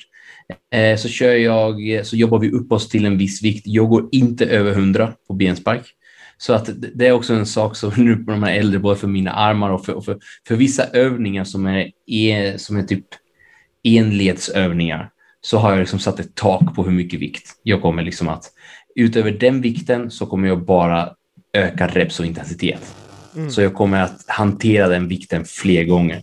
Så att uh, jobbar upp oss till 100, gör liksom max reps på, på den där hundringen, kliver ner kanske lite. Nu senast gick vi ner liksom på 90 eh, och så kör vi liksom en intensitetsteknik där, där vi kör uh, fem stycken clusters av fem reps. Mm. Och mellan, mellan setsen där så kopplar vi inte loss benen och min träningspartner trycker in så att jag är liksom i en stretchposition. Mm. Så det är liksom väldigt smärtsamt och det är liksom det, den sortens smärtsam träning, men mycket säkrare än om jag skulle liksom bara försöka rubba vikt. Samma sak sen, liksom, vi går till, till pendeln. Vi jobbar upp oss till en toppvikt, men den toppvikten är ju minst 10 rep, ingenting under den. Okay. Och, jag, och, jag sparar inte liksom reps i tanken under mina uppvärmningssätt, utan jag jobbar liksom ändå i en helt okej okay repsmängd. Så automatiskt tröttar jag ut mig så jag kan inte ta så mycket vikt. Men utöver hela arbetsvolymen så är det en respektabel arbetsvolym. Mm. Eh, och när vi har nått toppsetet, vi går till failure där, då kör vi också någon form av intensitet. Det kan vara en dropset, det kan vara liksom time clusters, det kan vara eh, failure liksom eh, upprepade gånger, stretches, eh, isometrisk träning, iso holds, vad fan som helst. Som regel gör det ont och ju mer ont det gör desto bättre. Eh, men saker som automatiskt tillåter mig liksom att, att vi kan sänka liksom den totala mängden som går genom min ryggrad och hur mycket, hur mycket liksom vikt jag förflyttar. Mm, mm. Och efter pendelskott, är det något mer? Ja, benpress av någon sort, sorts, antingen eh, den klassiska varianten eller den sittande hammerpressen som är löjligt tungt. Vi kämpar väldigt mycket med den just nu. Um, den kör vi mer eller mindre sam... Vilken är det? Är det den med, med som är unilateral? Uh, den har jag också, men uh, nej, det är den som är liksom, det är som en platta, men du sitter ner. Så du, du pressar liksom oh, ja, horisontellt. Okej, okay, då med. Ja. Den, är, den är mycket tyngre än den klassiska 45 graders eh, liggandes. Mm, mm, eh, och där kör vi samma sak. Vi jobbar upp och till en vikt. Vi har liksom helt okej okay med, med reps i det. Eh, och sen därifrån har vi någon form av intensitetsteknik. Liksom det, jag gillar att variera intensitetstekniker bara så att när systemet ska ha liksom lite olika eh, liksom stimulanser så vi inte alltid kör samma sak om och om igen. Mm. Och efter det så gick vi och körde, um, antingen kör vi som en variant av Bulgarian split squat i en, i en hack squat med som en sån som, som är lite mindre, där du har liksom eh, belastningen vid ländryggen. Mm, mm, mm. Kör vi antingen en ben sån och den är ju high reps så det är så tungt jag kan för 15 reps och det liksom får man utmana sig. Eh, eller så kör jag liksom en 25 meters eh, så här gräsmatta här som, som, är, som man kan pusha en släde och så går vi liksom fram och tillbaka tre gånger nonstop utfall och så gör vi det några gånger. Utan vikt, liksom, det, det, behövs inte. Jag väger typ 110 nu, så vad fan ska jag ha extra vikt för? Kör du både framsida och baksida på samma dag? Nej, det är uppdelat nu. Okej, okay, okej. Okay. Uh. Men du kör, du kör vad man ska säga alla sätt till failure eller? Eller stoppar du lite för? In, inte, inte alla, men, men uh, toppsättet går till failure och intensitetstekniken går också till failure. Mm, mm. Uh, och så må, måste jag också fråga, är det någon speciell muskelgrupp som du har haft svårare att utveckla än andra? Ryggen. Och vad har du gjort med den då istället? Det, det, det, har varit, det är fortfarande en work in progress att hitta liksom vad min rygg fungerar bäst på. Men det handlar egentligen väldigt mycket om kontroll, mycket om att hitta biomekaniskt det som funkar för mig. Eh, du vet, liksom Joakim hade en jättebra rygg. Mm. Så att... Um, ja, han hade jävligt bra rygg. Ja, så att jag hängde på vad han gjorde och egentligen var det kanske inte det mest optimala. Uh, men liksom vi, vi, vi, liksom, vi dog vid uh, rack, uh, rack pools. Det skulle vi köra så in i helvete. Uh, och det gjorde vi också. Och med tanke på hur många rack pools jag har gjort genom tiderna så, så borde jag ha en mycket bättre rygg, men det har jag inte. Så att Eh, i, min biomekanik är gjord så, liksom, på grund av att jag har så dominanta armar, så måste jag jobba väldigt mycket med att, med att koppla liksom bort biceps och verkligen dra med, med latsen, med, jobba väldigt mycket med skulderkontroll, mm. få in det, det där. Eh, och det är ju det som jag har jobbat med de sista egentligen, sen 2018 där, där när jag förlorade, då, då tänkte jag liksom okej, okay, det är dags att tänka om. Det är liksom, vad kan jag göra bättre? Vad var kan det, jag förbättra? Var, var, det den förlusten som, som eh, eller den overallförlusten som, som gjorde det eller? Ja, det var det. För, för att eh, det var en rad andra saker också. Det, det, hela det året 2018, jag skulle inte säga det var mitt bästa look för att jag har så många andra utmaningar i resten av mitt liv. Mm. Så att jag tycker att det, är en, det är en smärre mirakel att vi, att vi ens stod oss fram. Eh, och jag tror inte ens jag har berättat allt för Joakim för att varför ska vi liksom prata om vissa saker? Men han vet att det var tufft 2018 mm. eh, med liksom privatlivet och eh, öppna företag och driva allt det där och alla motgångarna så, som jag hade. Mm. Eh, så att bara det liksom var ju liksom, psyket var ju ansträngt och att skitsamma liksom vad folk säger, liksom att ja, men, gymmet är min, min, uh, min, lösning. Och på sätt och vis var det det. hjälpte mig liksom att, att överleva och ta mig fram. Men, men det, det går inte riktigt att hämta alla växlarna. Eh, helt enkelt för att smärthantering är en psykologisk grej.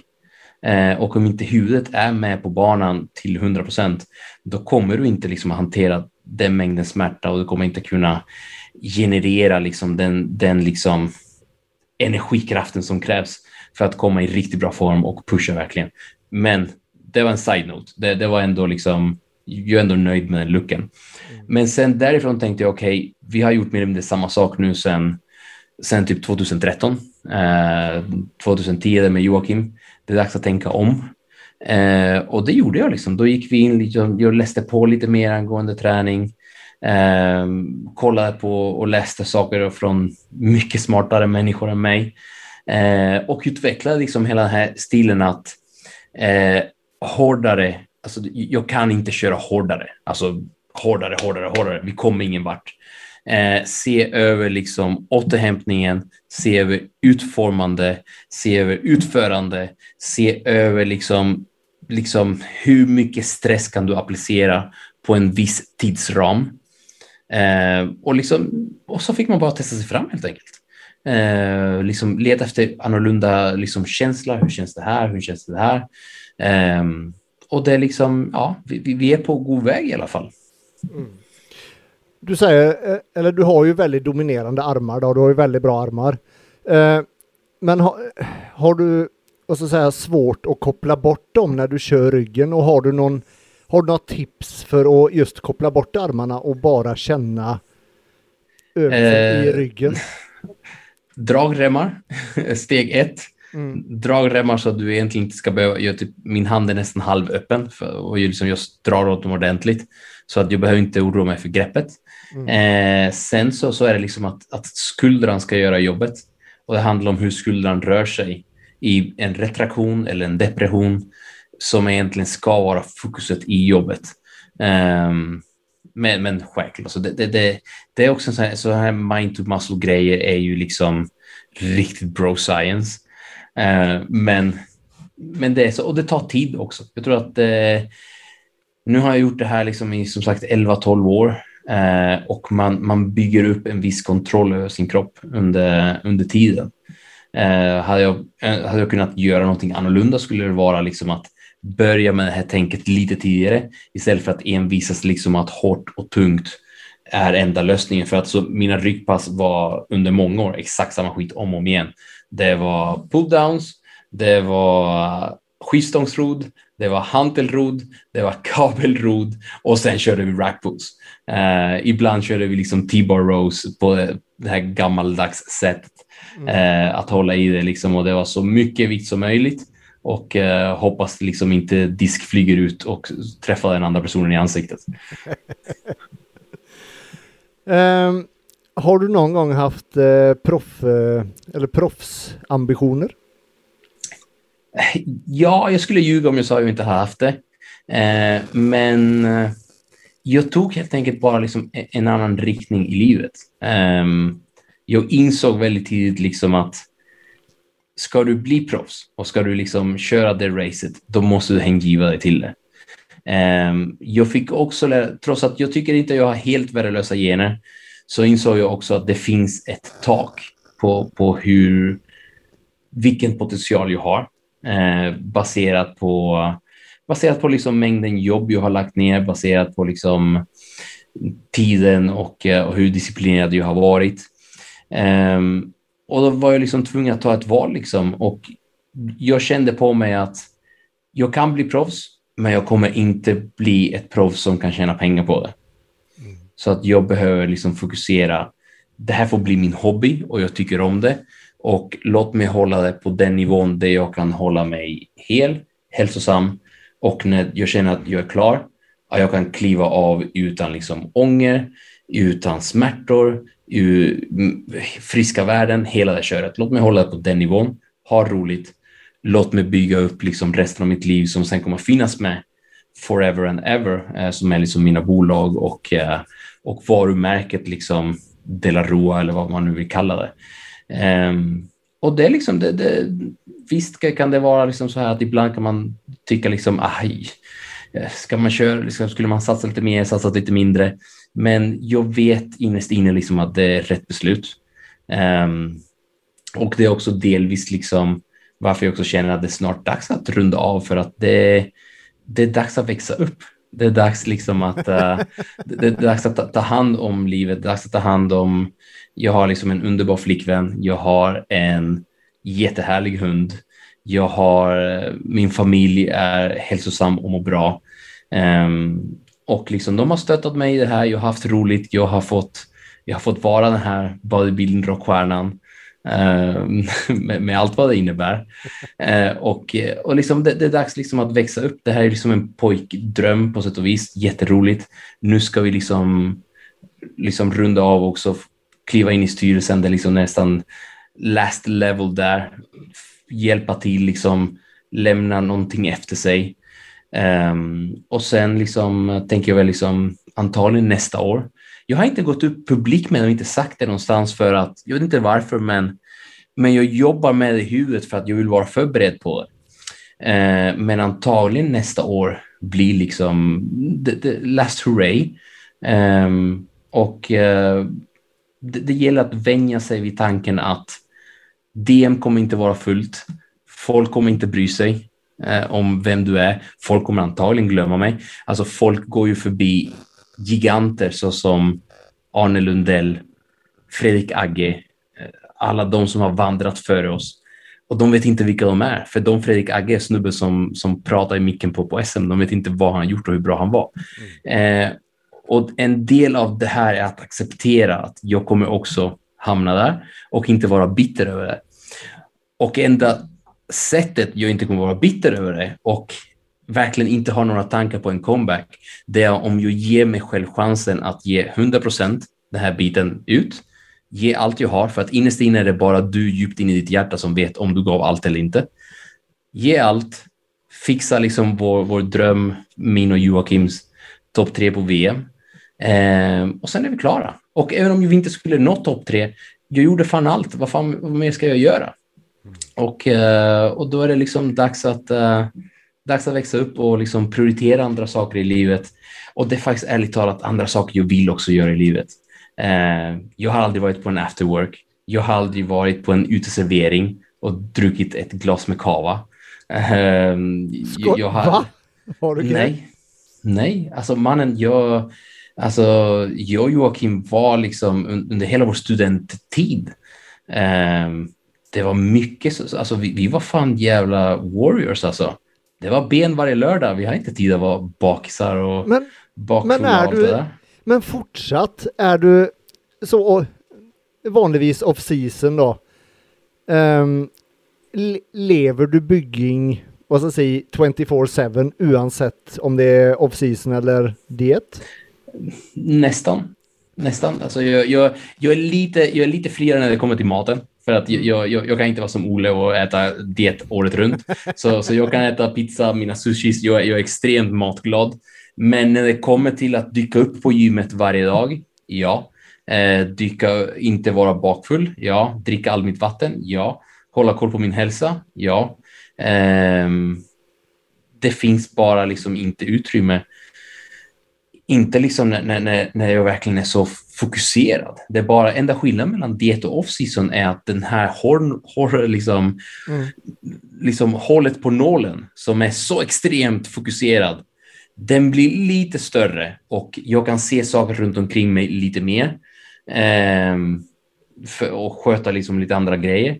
Men annars nej, jag är liksom väldigt fokuserad samtidigt som att jag har inte varit på en semester på så länge, alltså rest utomlands eller något sånt där för att eh, jag har alltid någonting på gång. Jag har alltid något jobb på gång. Mm. Eh, pengarna liksom, jag ska inte säga att det är ont om dem, men, men inte så jag har dem för att bränna dem, utan det återinvesteras på något sätt.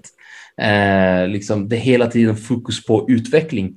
Och jag har tagit den tiden samtidigt som jag gör det här för att just därför liksom, att, men alltså, jag ska ändå vara här, jag ska ändå träna, jag ska ändå köra det här. Då kan vi lika gärna liksom låta allt annat också vara minst lika disciplinerat. Eh, mm. Och då är det liksom, ja, då är det saker jag vill göra eh, som jag ser fram emot liksom att, uh, att testa liksom och få vara liksom en, en normal människa inom parentes. Jag kommer alltid träna. Jag kommer alltid liksom ta hand om min hälsa och hela den, den biten. Eh, men har jag inte lust att köra en dropset på raka marklyft och köra med band och pressa benpressen till jag spyr, då gör jag inte det. Mm. Eh, har jag lust att, att liksom min träningspartner, min träningspartner Magnus, eh, han är några år äldre än mig. Jag tror han fyllde 42 i år.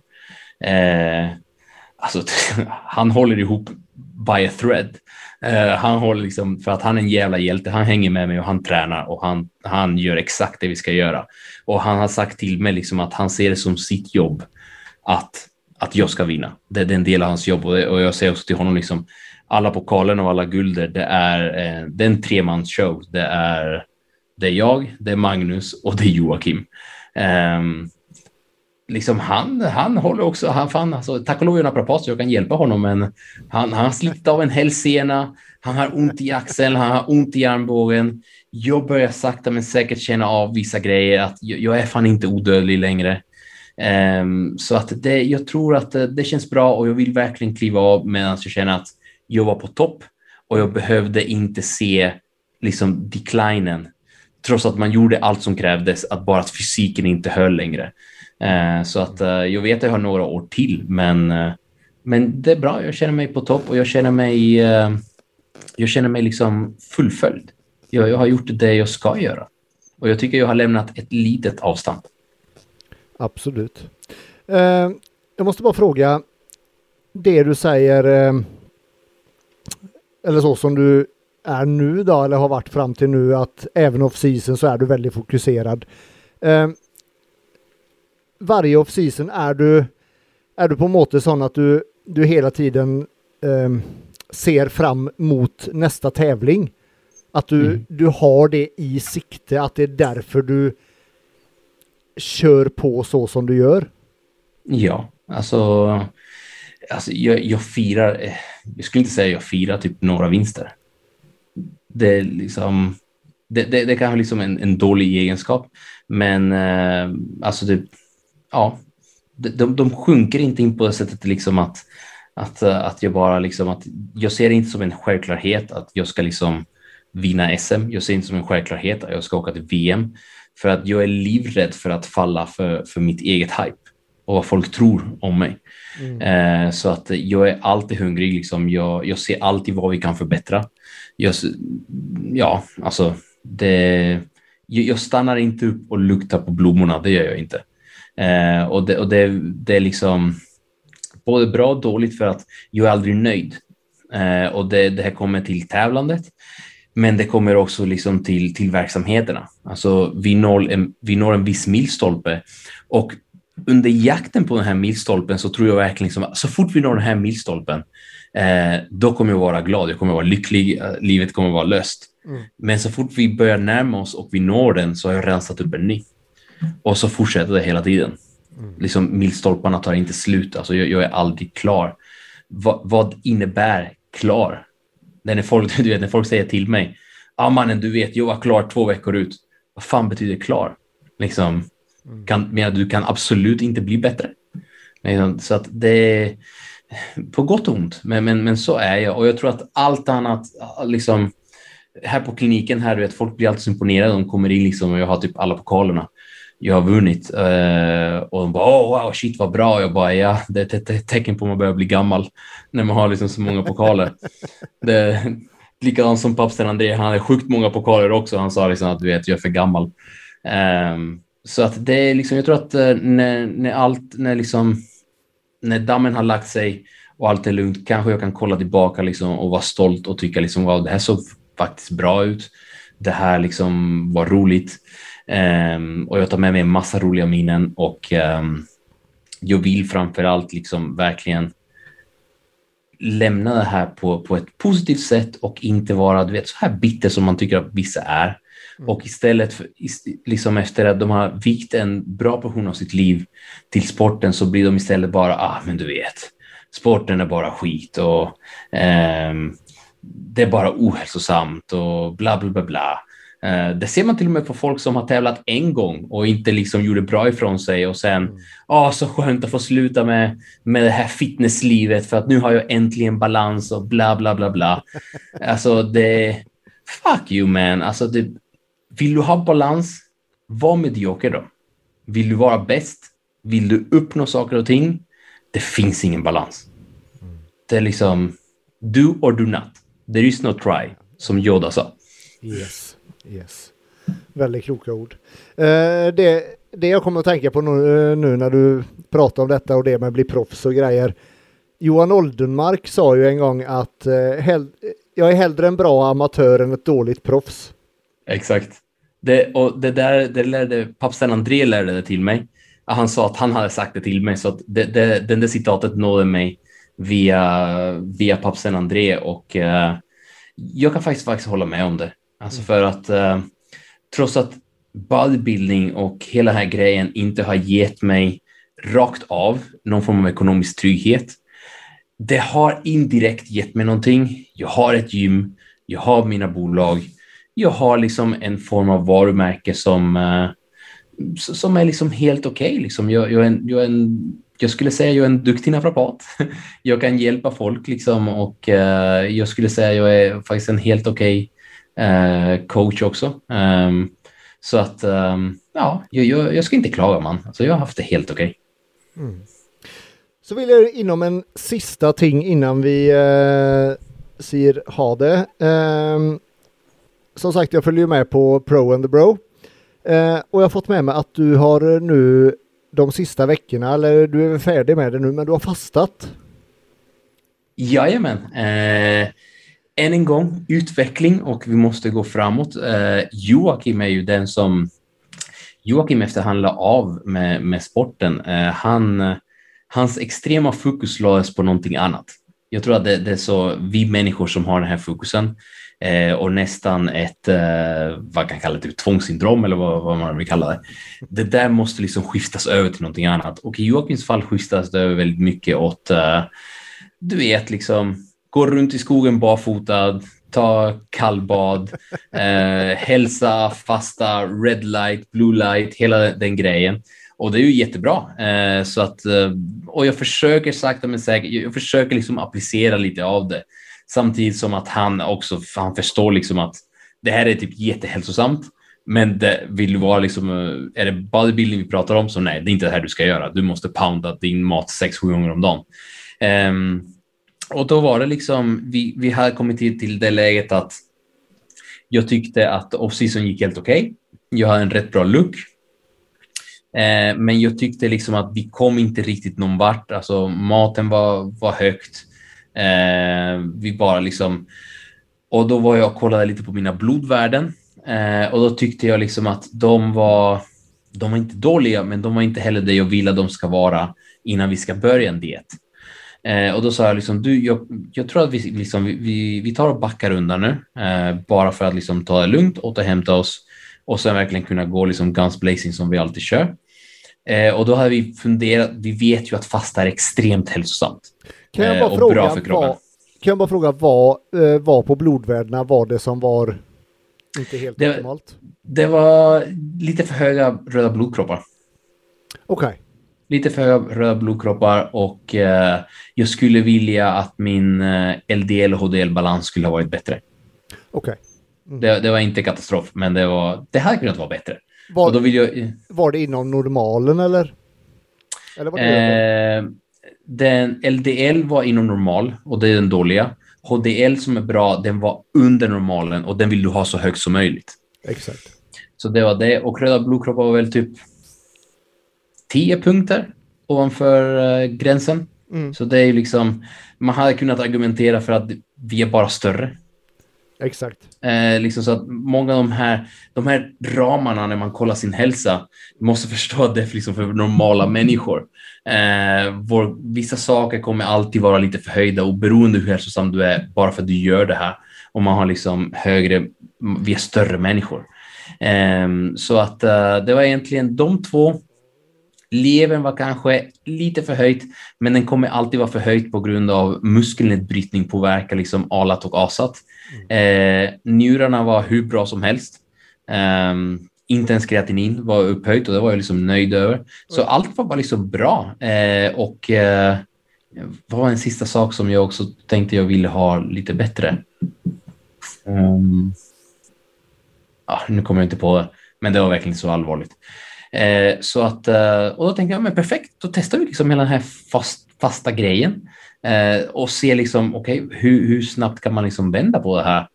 Eh, och då gjorde vi det, vi började på 12 timmar och under de, från 12 timmar jobbade vi upp oss till 18. Ehm, och under den här perioden som var åtta veckor la vi in lite då 24 timmar fasta. Oj. Um, ja, oj, precis, det var det jag sa också. uh, den sjuka jäveln, han ville jag skulle till och med göra 48 och 72 timmar. Och, 72? Och ja, och jag sa, ah, det, det vet jag fan alltså. Jag, jag, är en väldigt hungrig pojke. Och jag är väldigt mycket en frukostmänniska, så det var egentligen det som sög mest, att jag inte kunde fan köra frukost. Mm. Um, men absolut, men, men jag såg det som en del av planen, så jag fan följde det exakt till punkt och pricka. Um, jag gick ner liksom helt okej, okay, bra med vikt självklart. Jag åt ju typ ingenting. Um, och sen hade du, så... Hade du ett fast antal eh, eller fast eh, antal kalorier då du skulle få i dig på de det, det ätvindfönstret eh, liksom? Ja, det, det var liksom, för, förutom bara fasta så, så var också Joakim väldigt noga med att det skulle vara en proteinfasta. Så proteinet var liksom väldigt lågt. Det var typ nästan dietlågt. Eh, så, så, som värst så åt väldigt lite protein, eh, lite mer kolhydrater, lite mer nyttiga fetter. Eh, för proteinet är ju det som ger oss stryk med jämna mellanrum.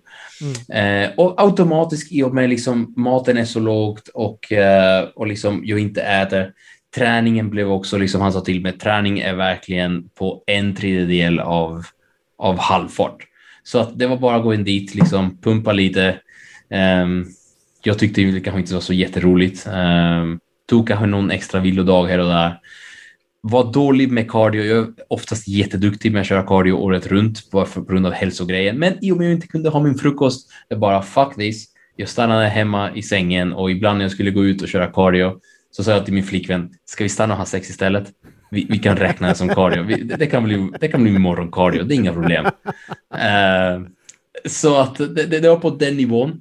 Men det som var intressant var typ efter åtta veckor så um, läkaren blev ju helt isen när, när hon såg värdena igen. Uh, liksom, och uh, hon sa, men jag, måste fråga dig, hur gjorde du det här? Liksom, vad, uh, hur, hur gör du? Liksom, och så hade vi liksom ett långt, jag har faktiskt ett jättebra läkare som, som lyssnar och förstår vad den här sporten går ut på. Mm. så att hon jag fick förklara för henne, hon var imponerad. Jag blev också faktiskt rätt imponerad över liksom hur snabbt allt bara liksom sjönk ner. Eh, och sen så sa vi okej, okay, nu ska det bli spännande att se hur min kropp reagerar. Och det är liksom, eh, det har varit ännu häftigare. Att se liksom sen när vi drog upp liksom tempot och växlarna och maten och liksom hur kroppen bara liksom tuggade, tuggade, tuggade och jag har bara expanderat eh, för, för varje vecka och tajtat till mig. Så att vi får se vad, vad slutprodukten blir eh, till SM. Men jag har fan sagt till Joakim liksom att antagligen kommer folk börja fasta efter det här. Så pass ja. Ja, det, det är faktiskt, jag, jag, fan, jag är imponerad, det måste jag säga. Det, alltså, men, men enligt Joakim och så hela teorin är ju liksom att du, liksom hela din kropp får ju en omstart. Så att uh, vi har ändå liksom, man tappar lite, självklart, men vi tappar inte så mycket. Plus att jag har ju en extremt muskelminne som, som är kvar från alla de här åren. Mm. Men samtidigt som jag har det här muskelminnen som hade kommit tillbaka mer eller mindre av sig själv, bara jag börjat träna lite hårdare, mm. så har vi liksom ett system som är mottaglig för mängderna protein, för mängderna mat och liksom ämnesomsättningen bara drar igång som en jäkla liksom eh, som en, vad ska vi kalla det, som en stridsvagn och bara kör, framåt liksom och inte, och inte stopp. Så att egentligen har jag bara höjt maten sen vi började dieten och förberedelserna. Och vi kommer antagligen fortsätta göra så här fram till 12 veckor ut och då det är väl där vi kommer att börja liksom pusha lite mer för formen. Mm. Men det du gjorde då när du var färdig med fastan, höjde du upp kalorierna till det ursprungliga nivån liksom? Vi, vi höjde upp dem till det som vi trodde skulle vara en bra dietstart. Okej. Okay. Okay. Eh, eller eh, inte, inte ens dietstart, det skulle vara, det skulle vara en bra clean off-season. Okej. Okay. Så det var, det var en off-season approach utan cheats helt enkelt. Mm. Eh, och, och, liksom, och jag bara växte ur det egentligen eh, och kände liksom att jag inte, jag återhämtade mig inte från det. Eh, och då liksom höjde vi upp det lite till. Eh, och då liksom, ja, fick den och allt, allt bara liksom fortsatte röra sig uppåt samtidigt som fysiken liksom kommer fram. Så jävla coolt. Faktiskt jäkligt häftigt alltså. Mm. Och kroppen är ju så duktig liksom på att, på att ta hand om sig själv. Man behöver liksom inte detox-ljus och allt det där, mm. utan bara, bara liksom låt den vila och så kommer den att ta hand om sig själv. Mm. Så att um, det här kommer jag, typ, för den tiden som är kvar, det kommer jag absolut göra. Så att efter SM och så här och, um, och hela höstsäsongen är klar så kommer jag absolut göra liksom en till uh, fasta. Kanske inte åtta veckor, men en liten liksom stund till där och sen uh, börja liksom innan man laddar om inför 2022 och alla dess utmaningar. Mm. Men körde du uh, 48 timmar fasta eller? Eller körde du bara nej, 24? Nej, 24. 24. Ja. 24 räckte gott och jag säger alltså efter 24 mina cravings var typ i, på en helt annan nivå. Det var liksom, uh, ja, det var galet. Det, jag, hade ing, jag tror att utan problem jag kunde smälla i mig typ allt, ah, 10 000 kalorier liksom bara på, på en, två timmar där. Så fort liksom klockan hade slagit och vi kunde börja äta, det var liksom, oj jösses. ja, fy fader. Ja, fy fan. Men, men, men klarade du att sova på de 24 timmarna fasta? Ja, det var inga problem. Alltså det, det var ju väldigt enkelt. Liksom jag, såg, jag såg till att äta sista gången typ kanske åtta på kvällen. Ja. Och sen eh, sov hela natten och sen var det bara att hålla sig tills åtta på kvällen igen. Ja, ja. Mycket vatten, alltså jag, jag, jag, drack väldigt mycket vatten. Ja. Men så på diet då, då sista veckorna innan tävling. Du, är du en sån som sliter med sömnen då, som, som uh, har svårt ja. att sova? Ja. Oh ja. Det, sömnen är skit. Ja. Och det har egentligen att göra med fettprocenten. Mm. När den tar sig förbi en viss nivå mm. där, där din kropp inte vill befinna sig, då det, det är bara liksom hormonerna rubbas. Mm. Så att du, det, det, är liksom, det kommer med gamet. Det är ja. jätteroligt för alla som kan sova gott och bra sista veckorna. Grattis! Men för mitt fall så gäller det bara liksom att ligga i sängen, ta det lugnt, få den sömnen du kan få eh, och sen liksom ta naps under dagen. Mm. Ja. ja, det är samma här. Det är samma här. Man sover liksom, det är två timmar och så vaknar man och så är man orolig och så kanske sover en timme och så vaknar och ja, ja du vet. Exakt. Ja. Niro, vi har varit på i fan nästan två timmar nu. Ja visst, alltså, men du vet, tiden går fort om man har roligt. Och, eh, och, och, trots allt, det är ju jubileumsavsnitt. Yes. Och, um, och jag tror också till och med att du sa att tanken var att Arild Haugen skulle vara jubileumsgäst på, uh, idag. Och han kunde inte och då blev alternativ nummer två som är nästan likvärdigt och jag tänkte wow vilken komplimang. Liksom Arild Haugen, De La Rua, fan vilken fest.